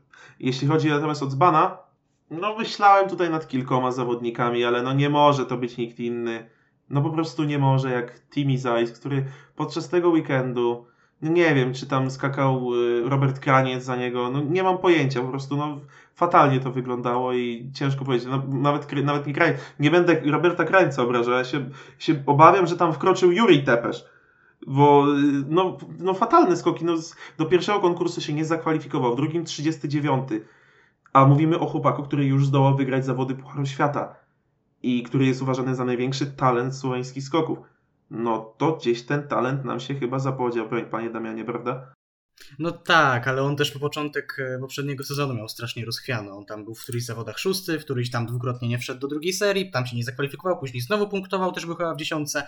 Zajec jest generalnie takim zawodnikiem, który jest strasznie rozchwiany na początku sezonu, później się stabilizuje, musi nad tym popracować, no ale jakby nie bagatela, on ma chyba dopiero 20 lat, czy 21, także ma jeszcze, wydaje mi się, trochę czasu, żeby to tę swoją formę ustabilizować, ale wydaje mi się, że no tak, zdecydowanie tutaj też tylko dałem jako dzbana. Y, Jeśli chodzi o Kozaka, no to jednak zdecydowałem się na Paulo Ucicia, głównie dlatego, że mimo tego mm, występu w Wiśle, mało kto typował go, że on może się równie dobrze albo nawet i lepiej zaprezentować w Kusamo. Raczej tutaj mówiliśmy, a może Peter Prewc jakoś, Preus, przepraszam, może tutaj jakoś zaskoczy i będzie blisko dziesiątki. Albo Angela Niszek powtórzy swój wyczyn z Wisły, a może właśnie tutaj wspomniany przez ciebie Giga Jelar, który swoją drogą też bardzo dobrze się zaprezentował. A tu nie, Bor Pawlowicz piąty po pierwszej serii w którymś konkursie, ostatecznie siódmy, w drugim konkursie siedemnasty. Bardzo dobre mm, występy Słoweńca i to u mnie on jest kozakiem. Dobra, i teraz zostaje nam chyba Polska, jeśli się nie mylę. Tak, a później reszta świata. Dobra, więc tak, z Polski. Aż żal wybierać kogokolwiek na dzbana.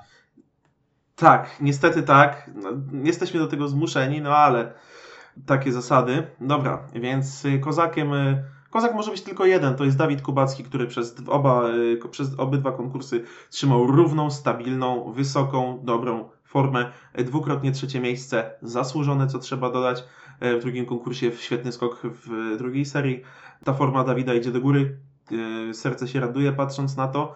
Fajnie było, gdyby jeszcze, gdyby reszta chłopaków doszysowała do jego poziomu, to, to w ogóle byłoby no już przecudownie.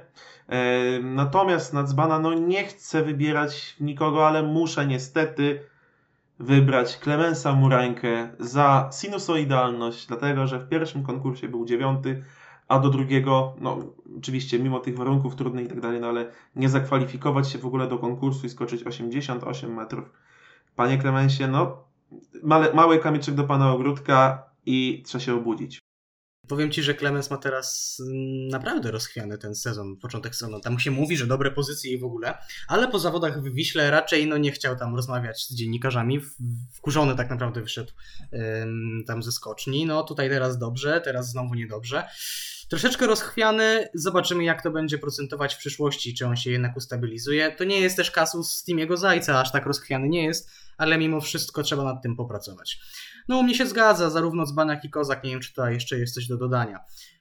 Jeśli chodzi o resztę świata, dla mnie dzbanem jest McKinsey Boyd Claws. Po jego dziewiątym miejscu spodziewałem się, okej, może nie będzie, może nie uda mu się powtórzyć tak rewelacyjnego rezultatu, ale powiedzmy w tej drugiej, trzeciej dziesiątce przynajmniej raz się znajdzie. A tu nie, a tu nie i dwa razy odpada w drugiej serii, zajmując kolejną pozycję, już mówię wszystkim słuchaczom. W pierwszym konkursie to w ogóle chyba a nie, jest. 34 McKinsey Boyd Claws, a w drugim drugim 38. 38. Także tutaj mm, dla mnie on jest dzbanem. A jeżeli chodzi o Kozaka, to mimo, po, pomimo tego skoku, pomimo swojej próby w drugiej serii, jednak chciałbym tutaj wyróżnić Artiego Aigo. Daję mu taki, że tak powiem, małe usprawiedliwienie. Okej, pierwszy raz był w takiej sytuacji, nie sprostał tego, nie, nie sprostał jej, psychika nie, nie dojechała, ale mimo wszystko za swoją ogólną dyspozycję podczas weekendu zasługuje moim zdaniem na plusik. Jak najbardziej, jeszcze jak, chciałoby się dopowiedzieć.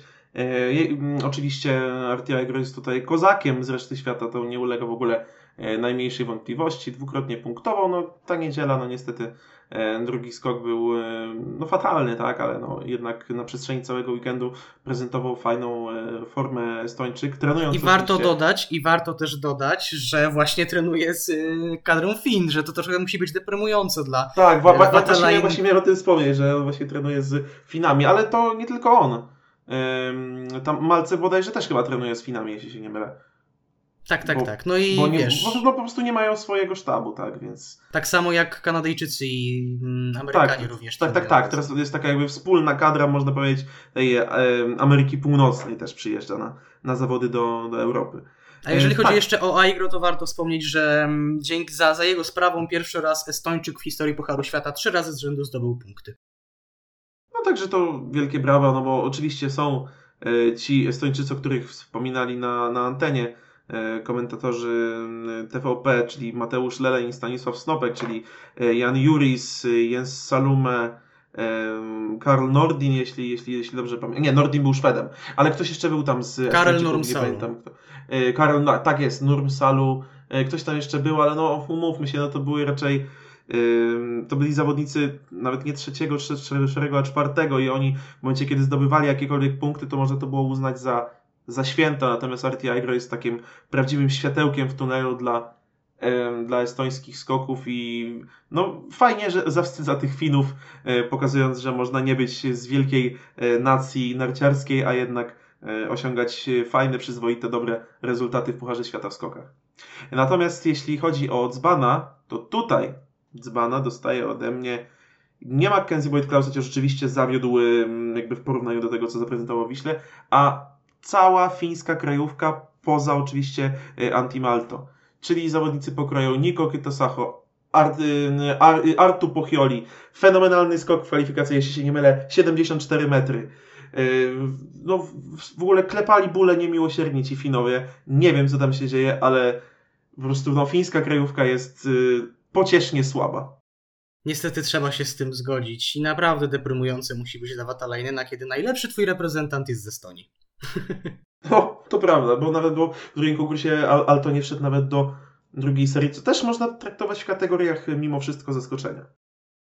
Dokładnie. No to skoro podsumowaliśmy sobie już, kto jest zbanem, a kto kozakiem z danej e, federacji, no to teraz spróbujmy wytypować e, na naszej gali weekendu skok weekendu, bo od tego zaczniemy. I pozwolisz, że zacznę. Dla mnie był to Yukiya Sato, drugi konkurs, 146 metrów. Oczywiście podwiało mu pod narty, no ale tak naprawdę w tym skoku nie było nic, do czego można byłoby się przyczepić.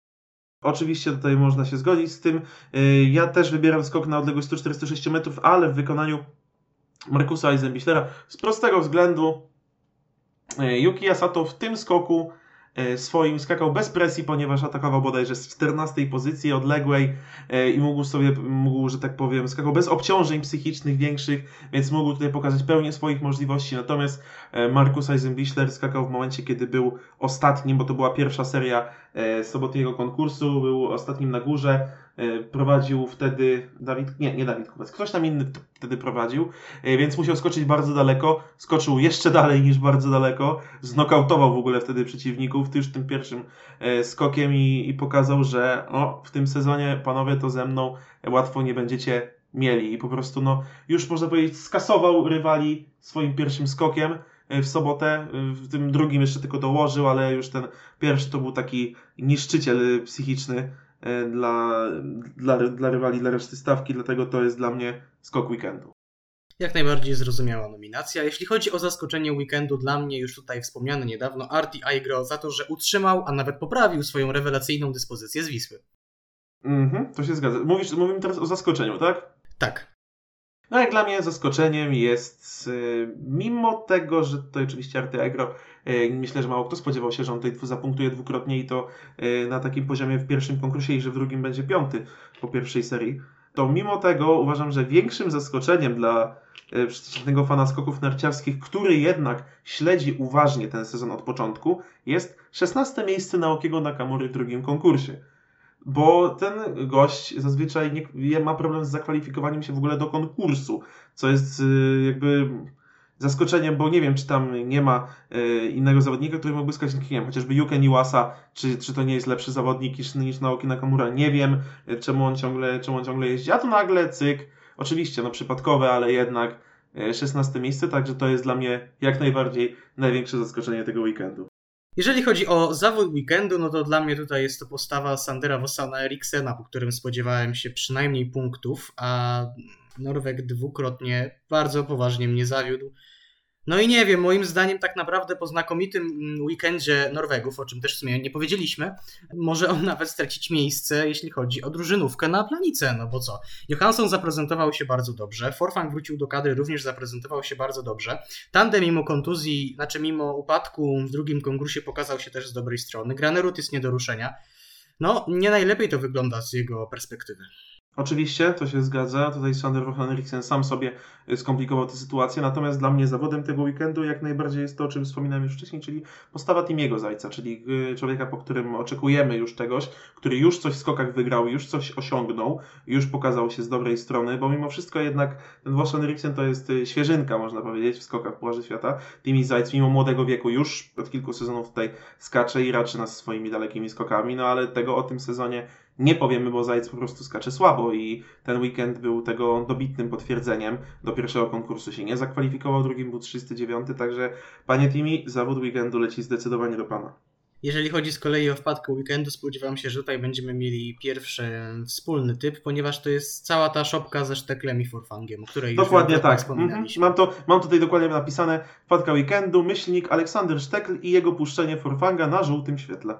Dokładnie. Tutaj nie wiem, czy wymaga tutaj to jeszcze jakiegoś wyjaśnienia, po prostu oba, Nie, jeśli, jeśli, obaj jeśli, panowie. jeśli ktoś słucha audycji od początku, to doskonale wie, o czym mówimy. Ta sytuacja została przez nas już tutaj wnikliwie przeanalizowana, wina, y, że tak powiem, rozłożona po połowie mniej więcej między obydwoma panami. No i myślę, że można spokojnie przejść do tego, co tygryski lubią najbardziej, czyli do skoczka weekendu.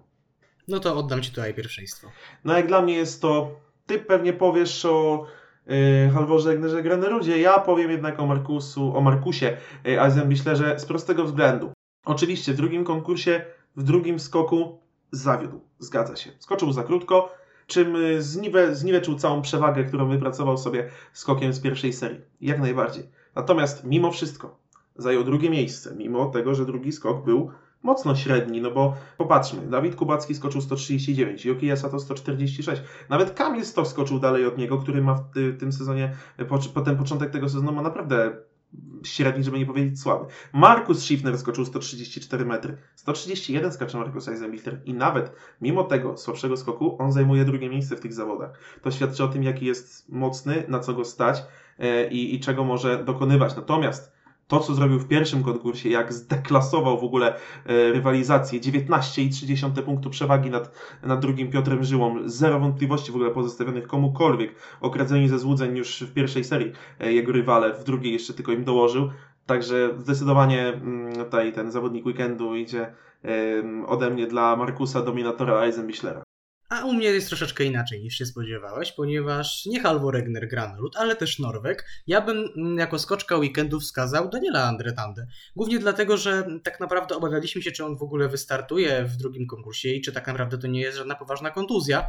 A okazało, okazało się, że właśnie Tande dał radę wystartować i zajął całkiem przyzwoitą w porównaniu z tym, co pokazał w Wiśle pozycję, bo pozycję 14. Dlatego tutaj ze względu na całe zamieszanie związane z Norwegiem, tym, że tak naprawdę do jednego konkursu się ledwo zakwalifikował, przed swoim upadkiem był trzeci w serii próbnej, później właśnie upadek, nerwówka, czy on wystartuje, wystartował i 14 miejsce za cały weekend, za całokształt dałbym jako skoczka weekendu. Trochę taki symbol jednak moim zdaniem tego Kusamo, Daniel Andretande. Tutaj, no tak, tutaj też jakby rozumiem, jestem w stanie się zgodzić. Co do symboli tego weekendu, dałbym jeszcze wyróżnienie tego weekendu. Tutaj akurat nie będzie to związane w ogóle ze skokami czy narciarstwem. E, Na chwilkę się przerzucę do, nas przerzucę i naszych słuchaczy do świata e, Formuły 1, a więc e, Tak, Romana Grożana i to, że przeżył wypadek, który był, umówmy się, nie do przeżycia. Tak, I myślę, że- jeszcze wyszedł z niego, wyszedł z niego praktycznie bez szwanku. To jest, to jest w kategoriach, można to, to traktować myślę w kategoriach cudu. Y, I no cóż, panie Grożan, pan żeś jest Terminator. Dokładnie. Myślę, że teraz nikt już nie skrytykuje mm, Halo, ale to już jest rozmowa na inną audycję, która w sumie nie istnieje, ale kto wie, może jak zacznie się sezon Formuły 1 następny, to porozmawiamy również i o tym. Do Finlandii skoczkowie jeszcze prawdopodobnie wrócą. Mówię prawdopodobnie, bo w tym sezonie ze względu na pandemię nie możemy być tak naprawdę niczego pewni. Już po przerwie wraz z Adrianem porozmawiamy zaś o nadchodzących zawodach w Niżnym Tagile. Zostańcie z nami.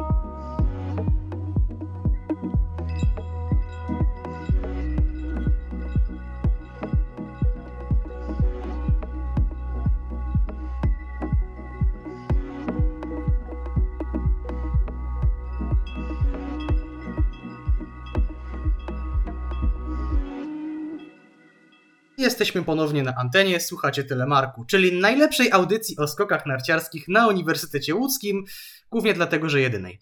Przed przerwą skończyliśmy omawiać weekend w Kusamo, czas więc podjąć się nadchodzących konkursów w Niżnym Tagile, a także kilku okołoskokowych tematów. I nie mogę nie zacząć właśnie od jednego okołoskokowego tematu, a mianowicie o wspomnianym wcześniej zakażeniu koronawirusem Filipa Sakali, którego nie było. Co prawda zawodnik przeszedł koronawirusa w bodajże lipcu, w każdym razie w lecie. Teraz jednak mówi się o teście fałszywie pozytywnym, czyli tak naprawdę można mówić, że cała reprezentacja Czech została wykluczona ze startu w, w drugim konkursie w Kusamo bezcelowo. Co o tym myślisz? Bo dla mnie to jest niema, niemały skandal. Gdy, okej, to są Czesi. Tutaj można mówić o tym, że jeżeli którykolwiek zdobąłby punkty, to i tak już sukces. Ale gdyby taka sama sytuacja zdarzyła się powiedzmy w reprezentacji Niemiec, no to myślę, że Stefan Horngacher delikatnie mówiąc zadowolony by nie był. Dokładnie tak. No, żeby tu już ostrzej nie powiedzieć, ale no, dostałby wiadomo czego. No nie dziwię się, że jest tutaj wzburzenie i mowa o, o skandalu, bo no, przez złą diagnostykę, że tak powiem, że złe, przez złe rozpoznanie, e, przez po prostu błąd testu, e, zablokowało się możliwość startu i to nawet nie jednemu zawodnika, nie, nie zawodnikowi, a, a paru, którzy no, z nim nie mieli jakoś bardzo dużo wspólnego, poza tym, że nie wiem, no przebywali może razem gdzieś tam, ale no zablokowało im się tak naprawdę, jak się okazało, bezprawnie możliwość startu w konkursie. Tak, to masz rację, to są Czesi. Pewnie i tak nie zdobyliby punktu, zresztą widzimy, jak oni w tym sezonie się prezentują, ale no, no wygląda to, wyglądało to po prostu źle. Po raz kolejny mm, jakby daje pożywkę e, tym tak zwanym foliarzom do tego, że testy nie działają, że są niemiarodajne i tak dalej, i tak dalej. Chociaż pomału zaczynam się sam do tego ruchu przyłączać, w sensie tego, że no, te testy są jednak jakie są. No wygląda To teraz wyobraźmy teraz- sobie taką sytuację, jeżeli powiedzmy na dwa dni, czy nawet na dzień przed ym, pierwszą serią ym, w Mistrzostw Świata w lotach odpada cała kadra powiedzmy Niemiec. Albo Polski. No Albo ludzie Polski. P- Polska to by generalnie mm, roznios rozniosła się sama od środka. No, wyglądałoby to bardzo źle. I teraz myślę, że już wszyscy nasi słuchacze wiedzą o co chodziło nam, e, kiedy mówiliśmy w jednym z wcześniejszych wejścia o tym wirusie widmo, tak. Także ten wirus widmo został chyba zaobserwowany w ciele Filipa Sakali. No, no skandal e, i trzeba to powiedzieć głośno, ale że to są tylko Czesi, to chwilkę to się o tym pogada i sprawa zaraz przycichnie, tak, bo to nie jest e, licząca się w tym momencie w skokach e, nacja i to za chwilkę zostanie zamiecione pod dywan, a szkoda, bo to też będzie pokazywać, że e, w skokach narciarskich, jak w każdym sporcie i jak w każdej płaszczyźnie życia, niestety są równi i równiejsi. No niestety, smutna prawda, ale tak naprawdę też nie, Czechom zabrało się nie tylko prawo startu w drugim konkursie, ale też w ogóle w Niżnym Tagile. Co prawda nie wiem, czy oni w ogóle planowali tam jechać, ale nawet jeżeli byłyby takie plany, żeby wybrać się do Rosji, no to w moment, kiedy dowiedziano się, że Filip Sakala jednak nie jest zarażony koronawirusem, nastąpił już po wylocie zawodnika, znaczy wylocie całej całych wszystkich reprezentacji, no za wyjątkiem Polski, yy, w kierunku Rosji. Tam oczywiście z przesiadką, ale no naprawdę sytuacja skandaliczna, żeby nie powiedzieć gorzej.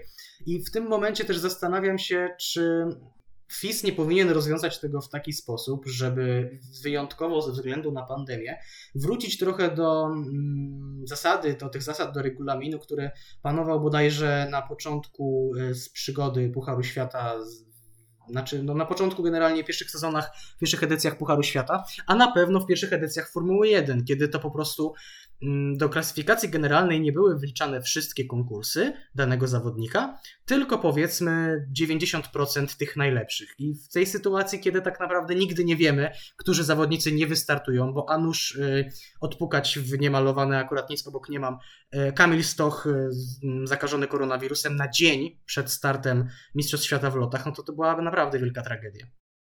Zgadza się. No i akurat wtedy ta zasada nic by nie dała, tak? No bo Mistrzostwa Świata w lotach to Mistrzostwa Świata w lotach, więc wprowadzenie ten, tej konkretnej tej zasady w tym konkretnym przypadku akurat nie miałoby e, no jakby nic do rzeczy, tak? Natomiast no faktycznie może by to było może, był to by, może by to był jakiś pomysł, no bo jaki, jaki wpływ na mm, zawodnik ma na to, że został przez kogoś zarażony i on teraz mimo tego, że no, nie czuje się wcale źle i tak dalej, no musi zostać w domu niekoniecznie z własnej, z własnej winy, nie może, nie może skakać, y, a, a na przykład prezentował się całkiem, całkiem dobrze. Chociaż wydaje mi się, tak teraz sobie pomyślałem paradoksalnie, no Czechom to może zrobi akurat dobrze, bo będą mogli potrenować chociażby sobie przed y, Mistrzostwami Świata y, w lotach. No umówmy się, oni w tym tagile i tak by niczego nie wywalczyli, a tak to może sobie potrenują i chociaż jeden zawodnik z Czechów zakwalifikuje się do drugiej serii Mistrzostw Świata w lotach, no kto wie, No, do tego się na pewno wkrótce przekonamy. Odchodząc już od tych niemiłych jednak w omawianiu tematów, trzeba mm, tutaj powiedzieć, że kadra na Niżny Tagil została już wyklarowana w przypadku polskich skoczków.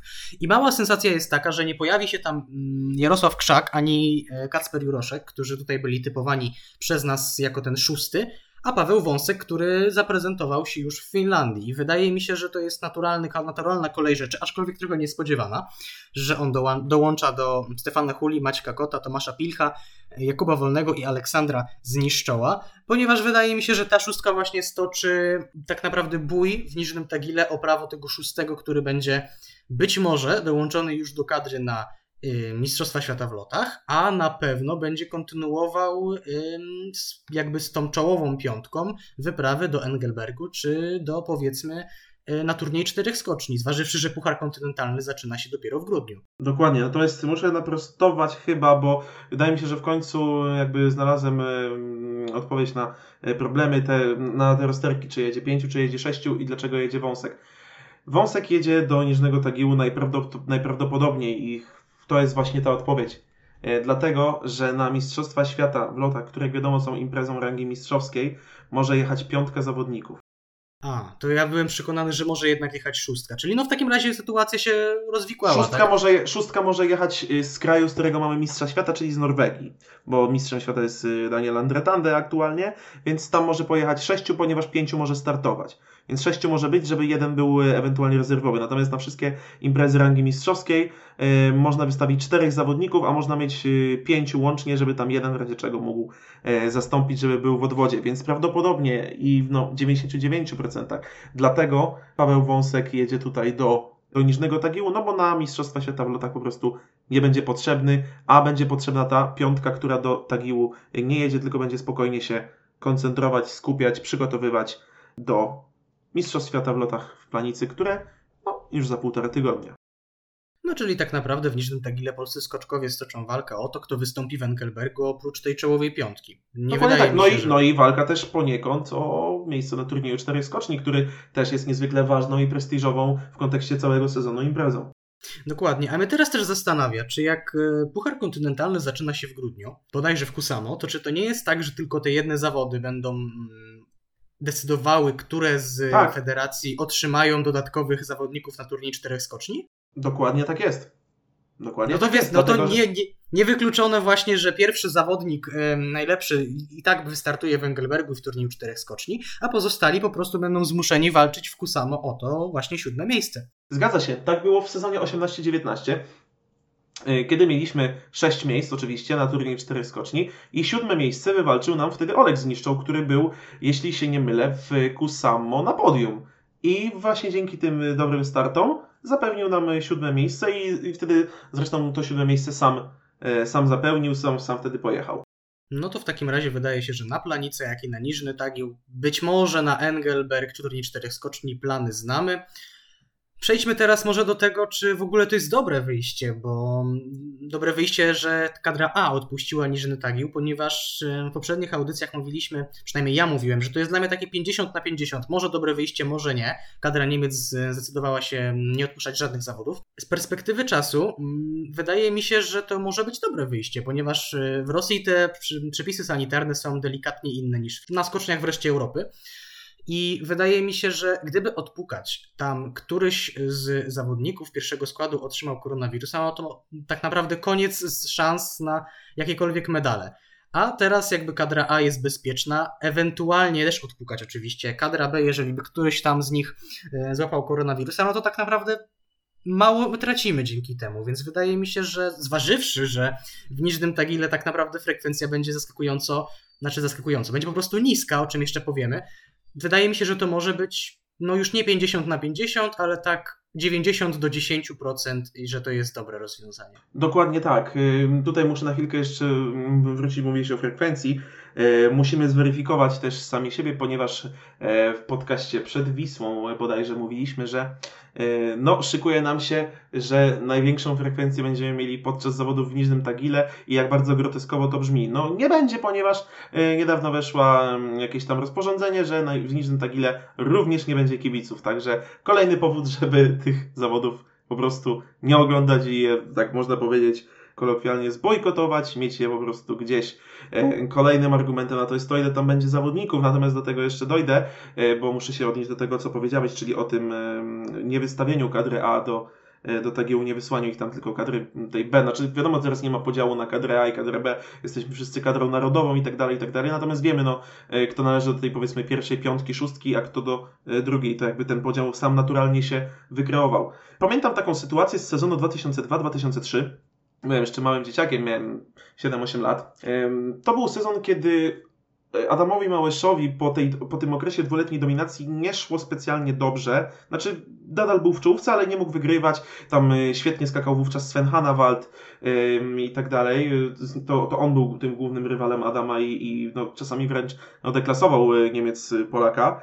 I wtedy podjął decyzję Apolonie Steiner, aktualny mm, prezes Polskiego Związku Narciarskiego, żeby nie jechać do Willingen. A Willingen było wtedy ostatnią, to był ostatni konkurs, ostatni weekend przed Mistrzostwami Świata w Predazzo. I podjął decyzję taką, żeby Adam Małysz tam nie jechał i okazała się ta decyzja strzałem w dziesiątkę. Z dwóch prostych względów. Po pierwsze, w Willingen okazało się, że pogoda była tragiczna. Zawody były totalnie od czapy. Czołówka była, fa- czołówka była jakaś w ogóle y, wzięta nie wiadomo skąd. Sven Hannawald zaprezentował się wręcz tragicznie tam. Tam y, to był prawdopodobnie skok, który złamał jego karierę, bo zwątpił w swoje umiejętności i tak naprawdę raz na zawsze popadł w przeciętność. Zresztą po tym konkursie, jeśli się nie mylę, nie wygrał już żadnych zawodów w Pucharze Świata, a dwa czy trzy sezony później już zakończył sportową karierę. Tam były później jeszcze inne problemy z nim. Natomiast Adam Małysz, który nie pojechał na zawody w Willingen, no wszyscy wiemy, co się stało w Predazzo. Dwa złote medale, także nie miałbym nic przeciwko temu, żeby po 17 latach taka sytuacja się powtórzyła. Ja również miałbym nic przeciwko i to wydaje mi się, że jednak Michał Doleżar tutaj całkiem przytomnie zachował się, biorąc pod uwagę tę pandemię, biorąc pod uwagę dyspozycję naszych zawodników, no i połączenie tych kadry A i B w kadrę narodową. Przechodząc do, do frekwencji, wyliczyliśmy z Adrianem, on na swoją rękę, ja na swoją, że w Niżnym Tagile zaprezentuje się ledwo ponad 50 skoczków, bodajże 52. Jeżeli Tak, chodzi o, tego. Jeżeli chodzi o federację, no to tak. Austriacy, Japończycy, Niemcy, Norwegowie, Polska B, Rosjanie plus krajówka Rosji, Słoweńcy i Szwajcarzy. I to daje nam naprawdę ledwo ponad 50 skoczków. Niewiele brakowało do tego, żeby te zawody były tak naprawdę, nie mogły być liczone względem regulamin, regulaminu fisowskiego, fis, regulaminu FISu, że nie mogły być liczone do Pucharu Świata. No to, to jest prawda. Tutaj ech, no wygląda to po raz kolejny źle. Po raz kolejny to też pokazuje, gdzie wszyscy mają zawody w Niżnym Tagile. Yy, Nasi słuchacze mogą sobie sami yy, dokończyć, yy, gdzie.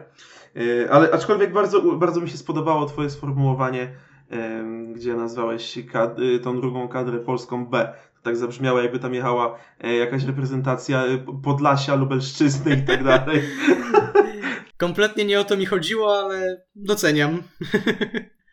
Nie, tutaj też y, warto zwrócić uwagę, że Niżny Tagil stał się takim europejskim Sapporo jeszcze parę lat temu, gdzie skoczkowie po prostu odpuszczali wyjazd, y, daleki wyjazd do Azji, no to teraz skoczkowie odpuszczają daleki wyjazd do Rosji. No tak, no i o ile zawody w Sapporo miały jakiś tam prestiż, bo ta, bo ta skocznia e, Okureyama ma, wiadomo, bogatą historię i tak dalej, o tyle tutaj, no w Niżny Tagil, mówienie o historii jakiejkolwiek, to, to nie wiem, skoro zdaje się najlepszym skoczkiem w historii występów w Niżnym Tagile jest Johan Andre Forfang, także no, nie mamy tu zbytnio o czym gadać i to, co powiedziałem jeszcze przed sezonem zawody w Niżnym Tagile, tak zwane hashtag nikogo. Przejdźmy teraz może do chyba najbardziej kontrowersyjnego składu, jeżeli chodzi o Niżny Tagil. Skład Austrii. Wiadomo, przeszli swoje, jeśli chodzi o koronawirusa, ale Daniel Huber czy Jan Herl z tej kadry A do Tagiłu pojadą. A oprócz nich, oprócz tej dwójki, znajdzie się czterech skoczków, którzy, którzy nie zostali umieszczeni w żadnej kadrze. Manuel Fettner, Markus Schiffner, którzy jeszcze bronią swoją, dyspozy- swoją obecność tak naprawdę skokami w Kusamo, a oprócz nich znikąd Thomas Lackner i jeszcze bardziej znikąd Maximilian Steiner. No tak, trzeba, chociaż nazwisko słuszne, tak? Steiner, ale to nie ten Steiner, od razu uspokajamy. Słuchajcie, z Walterem, y, reprezentantem Szwajcarii nie ma nic wspólnego ten zawodnik. Przynajmniej jak na razie, zwłaszcza jeśli chodzi o mm, zarówno narodowość, jak i Dyspozycje. Jak i, jak, jak wyniki tak osiągane na, na skoczni, także tutaj to nie jest żadne pokrewieństwo i tak dalej, i tak dalej. Chociaż kraje ze sobą oczywiście sąsiadujące. Mniejsza o to. Y, No tak, tutaj to tak zwany system 2 plus 2 plus 2 zadziałał. Y, Dwójka pojawiła się z, z kadry A, która była w, w Wiśle, tych, tych, z tych najlepszych, chociaż mówienie o, Janu, o Janie Herlu, że to jest jeden z tych najlepszych, to jest jakieś nieporozumienie totalne No ale porównując go z, nawet z Fettnerem czy z Schiffnerem, no to myślę mimo wszystko on wypada w tej rywalizacji lepiej. Znaczy, z Schiffnerem to jeszcze bym tak nie powiedział do końca, patrząc na to, jak Schiffner się zaprezentował w Kusamo, a jak Herl zaprezentował się w Wiśle. Ale tak jakby... Nie miał okazji się zaprezentować tak naprawdę. No tak naprawdę, no, jak się zaprezentował, to też pojechał nam na chyba żółtym świetle, czy coś takiego. Mniejsza o to, czy tam, czy tam nie, nie pojechał w porę. No w każdym razie była afera ze światłami, jest jak na razie w każdym, y, w każdy weekend tego, tego sezonu, także tutaj nie narzekamy na pewno na, na nudę. Y, No i nagle dwóch też zawodników pojawia się y, z, z, z, znaczy, dwóch zawodników też pojawia się z kadry y, tej B, która była oczywiście w, w, w Ruce, w Kusamo, w Ruka Tunturi i dwóch zawodników też mm, Znikąd. Dokładnie, nie wiadomo, nie wiadomo skąd oni się wzięli. Przeciętny, myślę, ym, przeciętny słuchacz, przeciętny widz nie kojarzy raczej tych nazwisk, chyba że ktoś naprawdę bardzo się e, interesuje skokami, jest na grupach na Facebooku typu Awangarda Skoków Narciarskich czy Turbadury. No, sp- sprawdziłem generalnie występy tych e, zawodników wcześniej w Pucharze Świata. Thomas Lackner dwa sezony temu raz wystąpił w swojej karierze w Pucharze Świata, był 40 któryś. Maksim, Maksymilian Steiner do tej pory trzykrotnie za każdym, razy, ra, za każdym razem kończył swój występ na kwalifikacjach. No to widać, jakie to są orły, więc no to jest taka, to są właśnie, to jest sam raz y, na poziom zawodników, których należy wysyłać do niżnego tagiłu, tak można powiedzieć.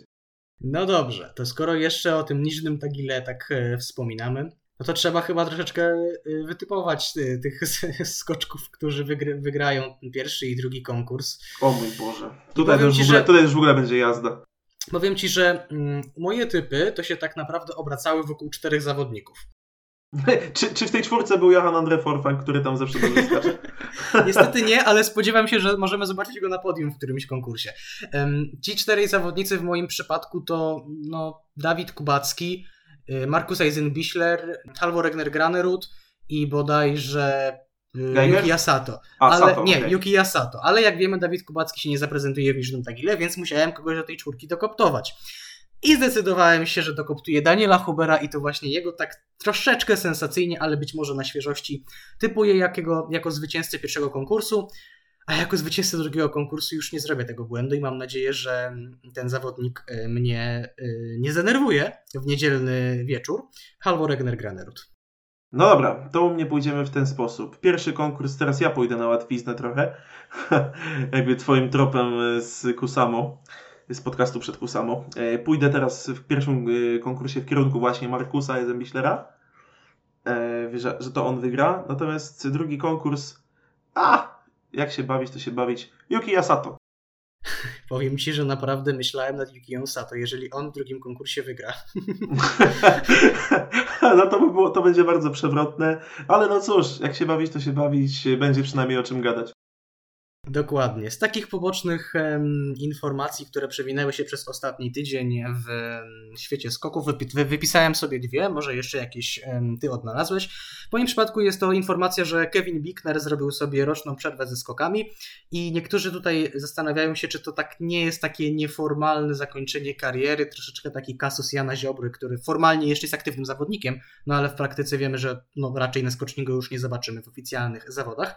A z drugiej strony Boyd Klaws y, również zrobił sobie roczną przerwę, a teraz skacze naprawdę dobrze i być może wyjdzie to Bicknerowi tylko, tylko na dobre. Miejmy nadzieję, że tak będzie, bo Kevina Bicknera bardzo dobrze się oglądało na skoczniach mamucich zwłaszcza, no bo ym, tak to w innych zawodach można powiedzieć, że to że pasował do, do, tej y, kadry B Polaków, czyli mistrz kwalifikacji i treningów. Jego Zwłaszcza- pamiętny lot przecież y, na Wikersund bodajże Dokładnie tak. temu.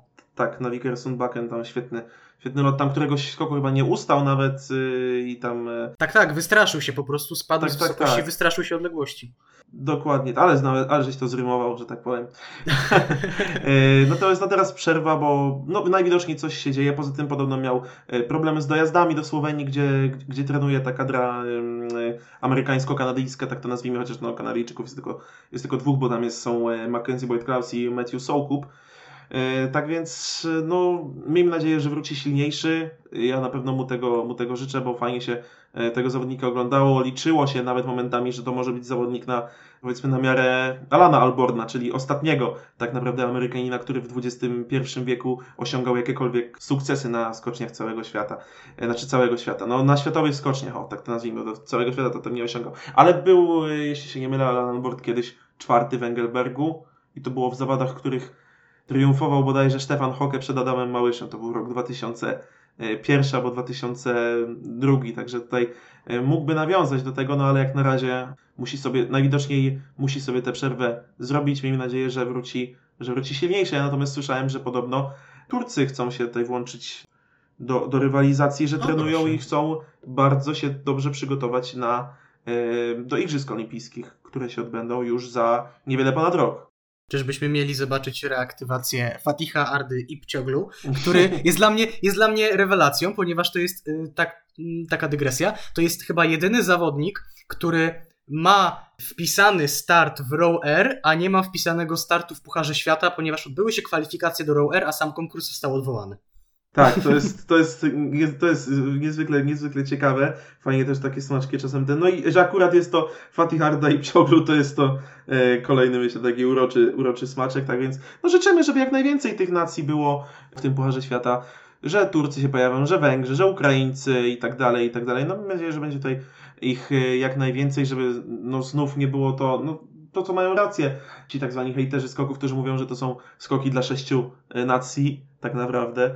No bo po części jednak racja z tym jest. Wracając jeszcze na chwilkę, na moment jeszcze do tych innych e, nacji i wracając jeszcze na moment do konkursów Kusamo, zauważyłem taką niepokojący trend ostatnio u kibiców z Polski, zwłaszcza znaczy kibiców, tych, którzy są zainteresowani skokami. Czy to ludzie ze Ski Jumping Family, czy z innych, e, że tak powiem, kręgów e, kibicowskich, że na tyle bardzo kibicowali w tym konkursie i sobotniemu i niedzielnemu Artiemu Aigro, że jakby stawiali go na równi z polskimi zawodnikami albo nawet przed nimi, co jest dla mnie absolutnie niedopuszczalne. I też próbowali go tłumaczyć na siłę po tym słabym skoku w niedzielę, że został wycięty i tak dalej, i tak dalej. A w momencie, kiedy jakiś Polak y, zepsuje skok, to już jest oczywiście wielka jazda po nim, także ja takiej postawy absolutnie nie pochwalam. Dołączam się do Twojego tutaj stanowiska. Jeszcze teraz ja z kolei wrócę do mm, Amerykanów. To w tym momencie niestety, ale największe sukcesy. Największymi sukcesami z jeszcze aktywnych skoczków, y, czy po prostu zawodników, albo tych, którzy niedawno zakończyli karierę, no to niestety może się popisać Sarah Hendrickson. No cóż, no to, to jest... I, prze...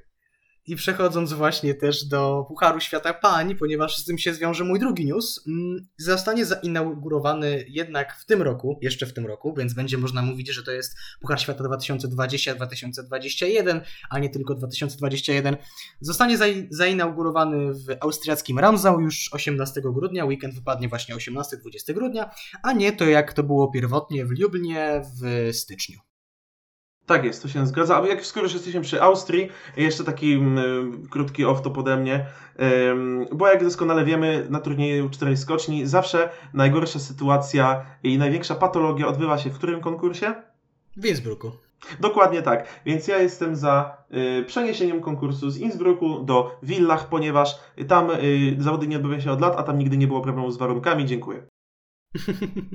Albo zrobić, e, wiesz, austriacką część. Jeden konkurs na Tauplitz, drugi konkurs na Kulm, trzeci na Bad Mittendorf. No, dokładnie, rozbić to na cztery. No, ale nie, ale autentycznie, przeniósłbym to do Villach, y, dlatego że na, że na Bergizel, zwłaszcza od momentu tej przebudowy y, z K108 na, na K120, y, no widzimy jak to po prostu wygląda i że tam można, tam najczęściej jak ktoś dobrze sobie radził w Oberstdorfie i w Garmisch-Partenkirchen, to na Bergizel przegrywał wszystko. No, taka to już jest ta skocznia i wszyscy chyba fani skoków narciarskich są jakby zaznajomieni z sytuacją, jaka zawsze tam się odbywa na, na przestrzeni poszczególnych konkursów. Ale o turnieju czterech skoczni na pewno jeszcze pomówimy, kiedy przyjdzie na to czas, czyli tak naprawdę za parę tygodni, bo ten Puchar Świata dopiero co się zaczął, a już tak naprawdę będziemy, oczekujemy na trzecie zawody, już niedługo pierwsze mistrzostwa, zaraz będzie TCS, zaraz będzie jakieś Willingen Five, tutaj będą mistrzostwa świata i zaraz ten sezon niestety się skończy, tak to jest, że No i jeszcze dobre- wcześniej oczywiście, jeszcze wcześniej oczywiście przed, przedwigilijne zawody Węgelbergu, no i święta Bożego Narodzenia jak najbardziej. Myślałem, że powiesz, że przedwigilijne mistrzostwa Polski w Zakopanem. Nie, to już, po, to już bardziej powigilijne, ale nie wiadomo czy się odbędą, tak? Y, O nich one chyba zostały też y, przełożone, wydaje mi się, że jednak przed, przed, y, e, przed Wigilią, po to, żeby zawodnicy Aha. mogli do, dojechać na turniej czterech skoczni, bo jeszcze wiesz, testy i tak dalej. Jasne, jasne, jasne, no tak, oczywiście, no to wtedy będzie to, będzie to zrozumiałe. Także no czekajmy na te Mistrzostwa Polski, zobaczymy co będzie, kto tym razem wygra. Ten niezwykle prestiżowy konkurs. Bez przeliczników za wiatr, to też warto dodać. No taki powrót do przeszłości, choć raz. Troszeczkę. I tym pozytywnym akcentem nawiązującym do nadchodzącej Wigilii chciałbym zakończyć dzisiejszą audycję. Mamy nadzieję, że miło spędziliście czas słuchając naszych opinii, a tego czasu trochę było, bo tak sobie zerkam na czas, to właśnie dobijamy do godziny 49, także blisko O, to, to godzin. bardzo ciekawie, bardzo Blisko- fajnie. No mów, mów. Dobra, jeszcze tylko tak na moment, y, oczywiście rozgadaliśmy się tutaj długo, ale z racji tego, że jest to, to jakby ostatni nasz e, podcast przed y, Mikołajkami, to życzymy wszystkim naszym, naszym słuchaczom oczywiście dużej ilości y, prezentów i żeby te Mikołajki były dla Was udane. Oczywiście dołączam się do tych życzeń. Troszeczkę o tym zapomniałem. Ja jestem skupiony tak bardziej na skokach. Adrian troszeczkę bardziej światowo ogarnia tę audycję, za co oczywiście mu chwała. Staram E. się, ale no wiadomo, nie zawsze wychodzi. Tym, tym razem pamiętałem. No wiadomo, nie da się o wszystkim wspomnieć. Już jutro rozpoczyna się weekend w Niżnym Tagile, ponieważ my to nagrywamy co prawda we wtorek, ale kiedy wy, to, wy tego słuchacie, to jest czwartek, na który o ten weekend Adrian oczywiście czekał dniami i nocami, nie mógł się doczekać, pisał do mnie SMS-y na Messengerze wszędzie, no kiedy w końcu ten Tagil. Z pewnością audycja w przyszłym tygodniu będzie równie warta uwagi. Mam nadzieję, że również ona wam się spodoba. Za dziś bardzo serdecznie dziękujemy. Deman Markowicz, I Adrian Kozioł. do usłyszenia już w przyszłym tygodniu.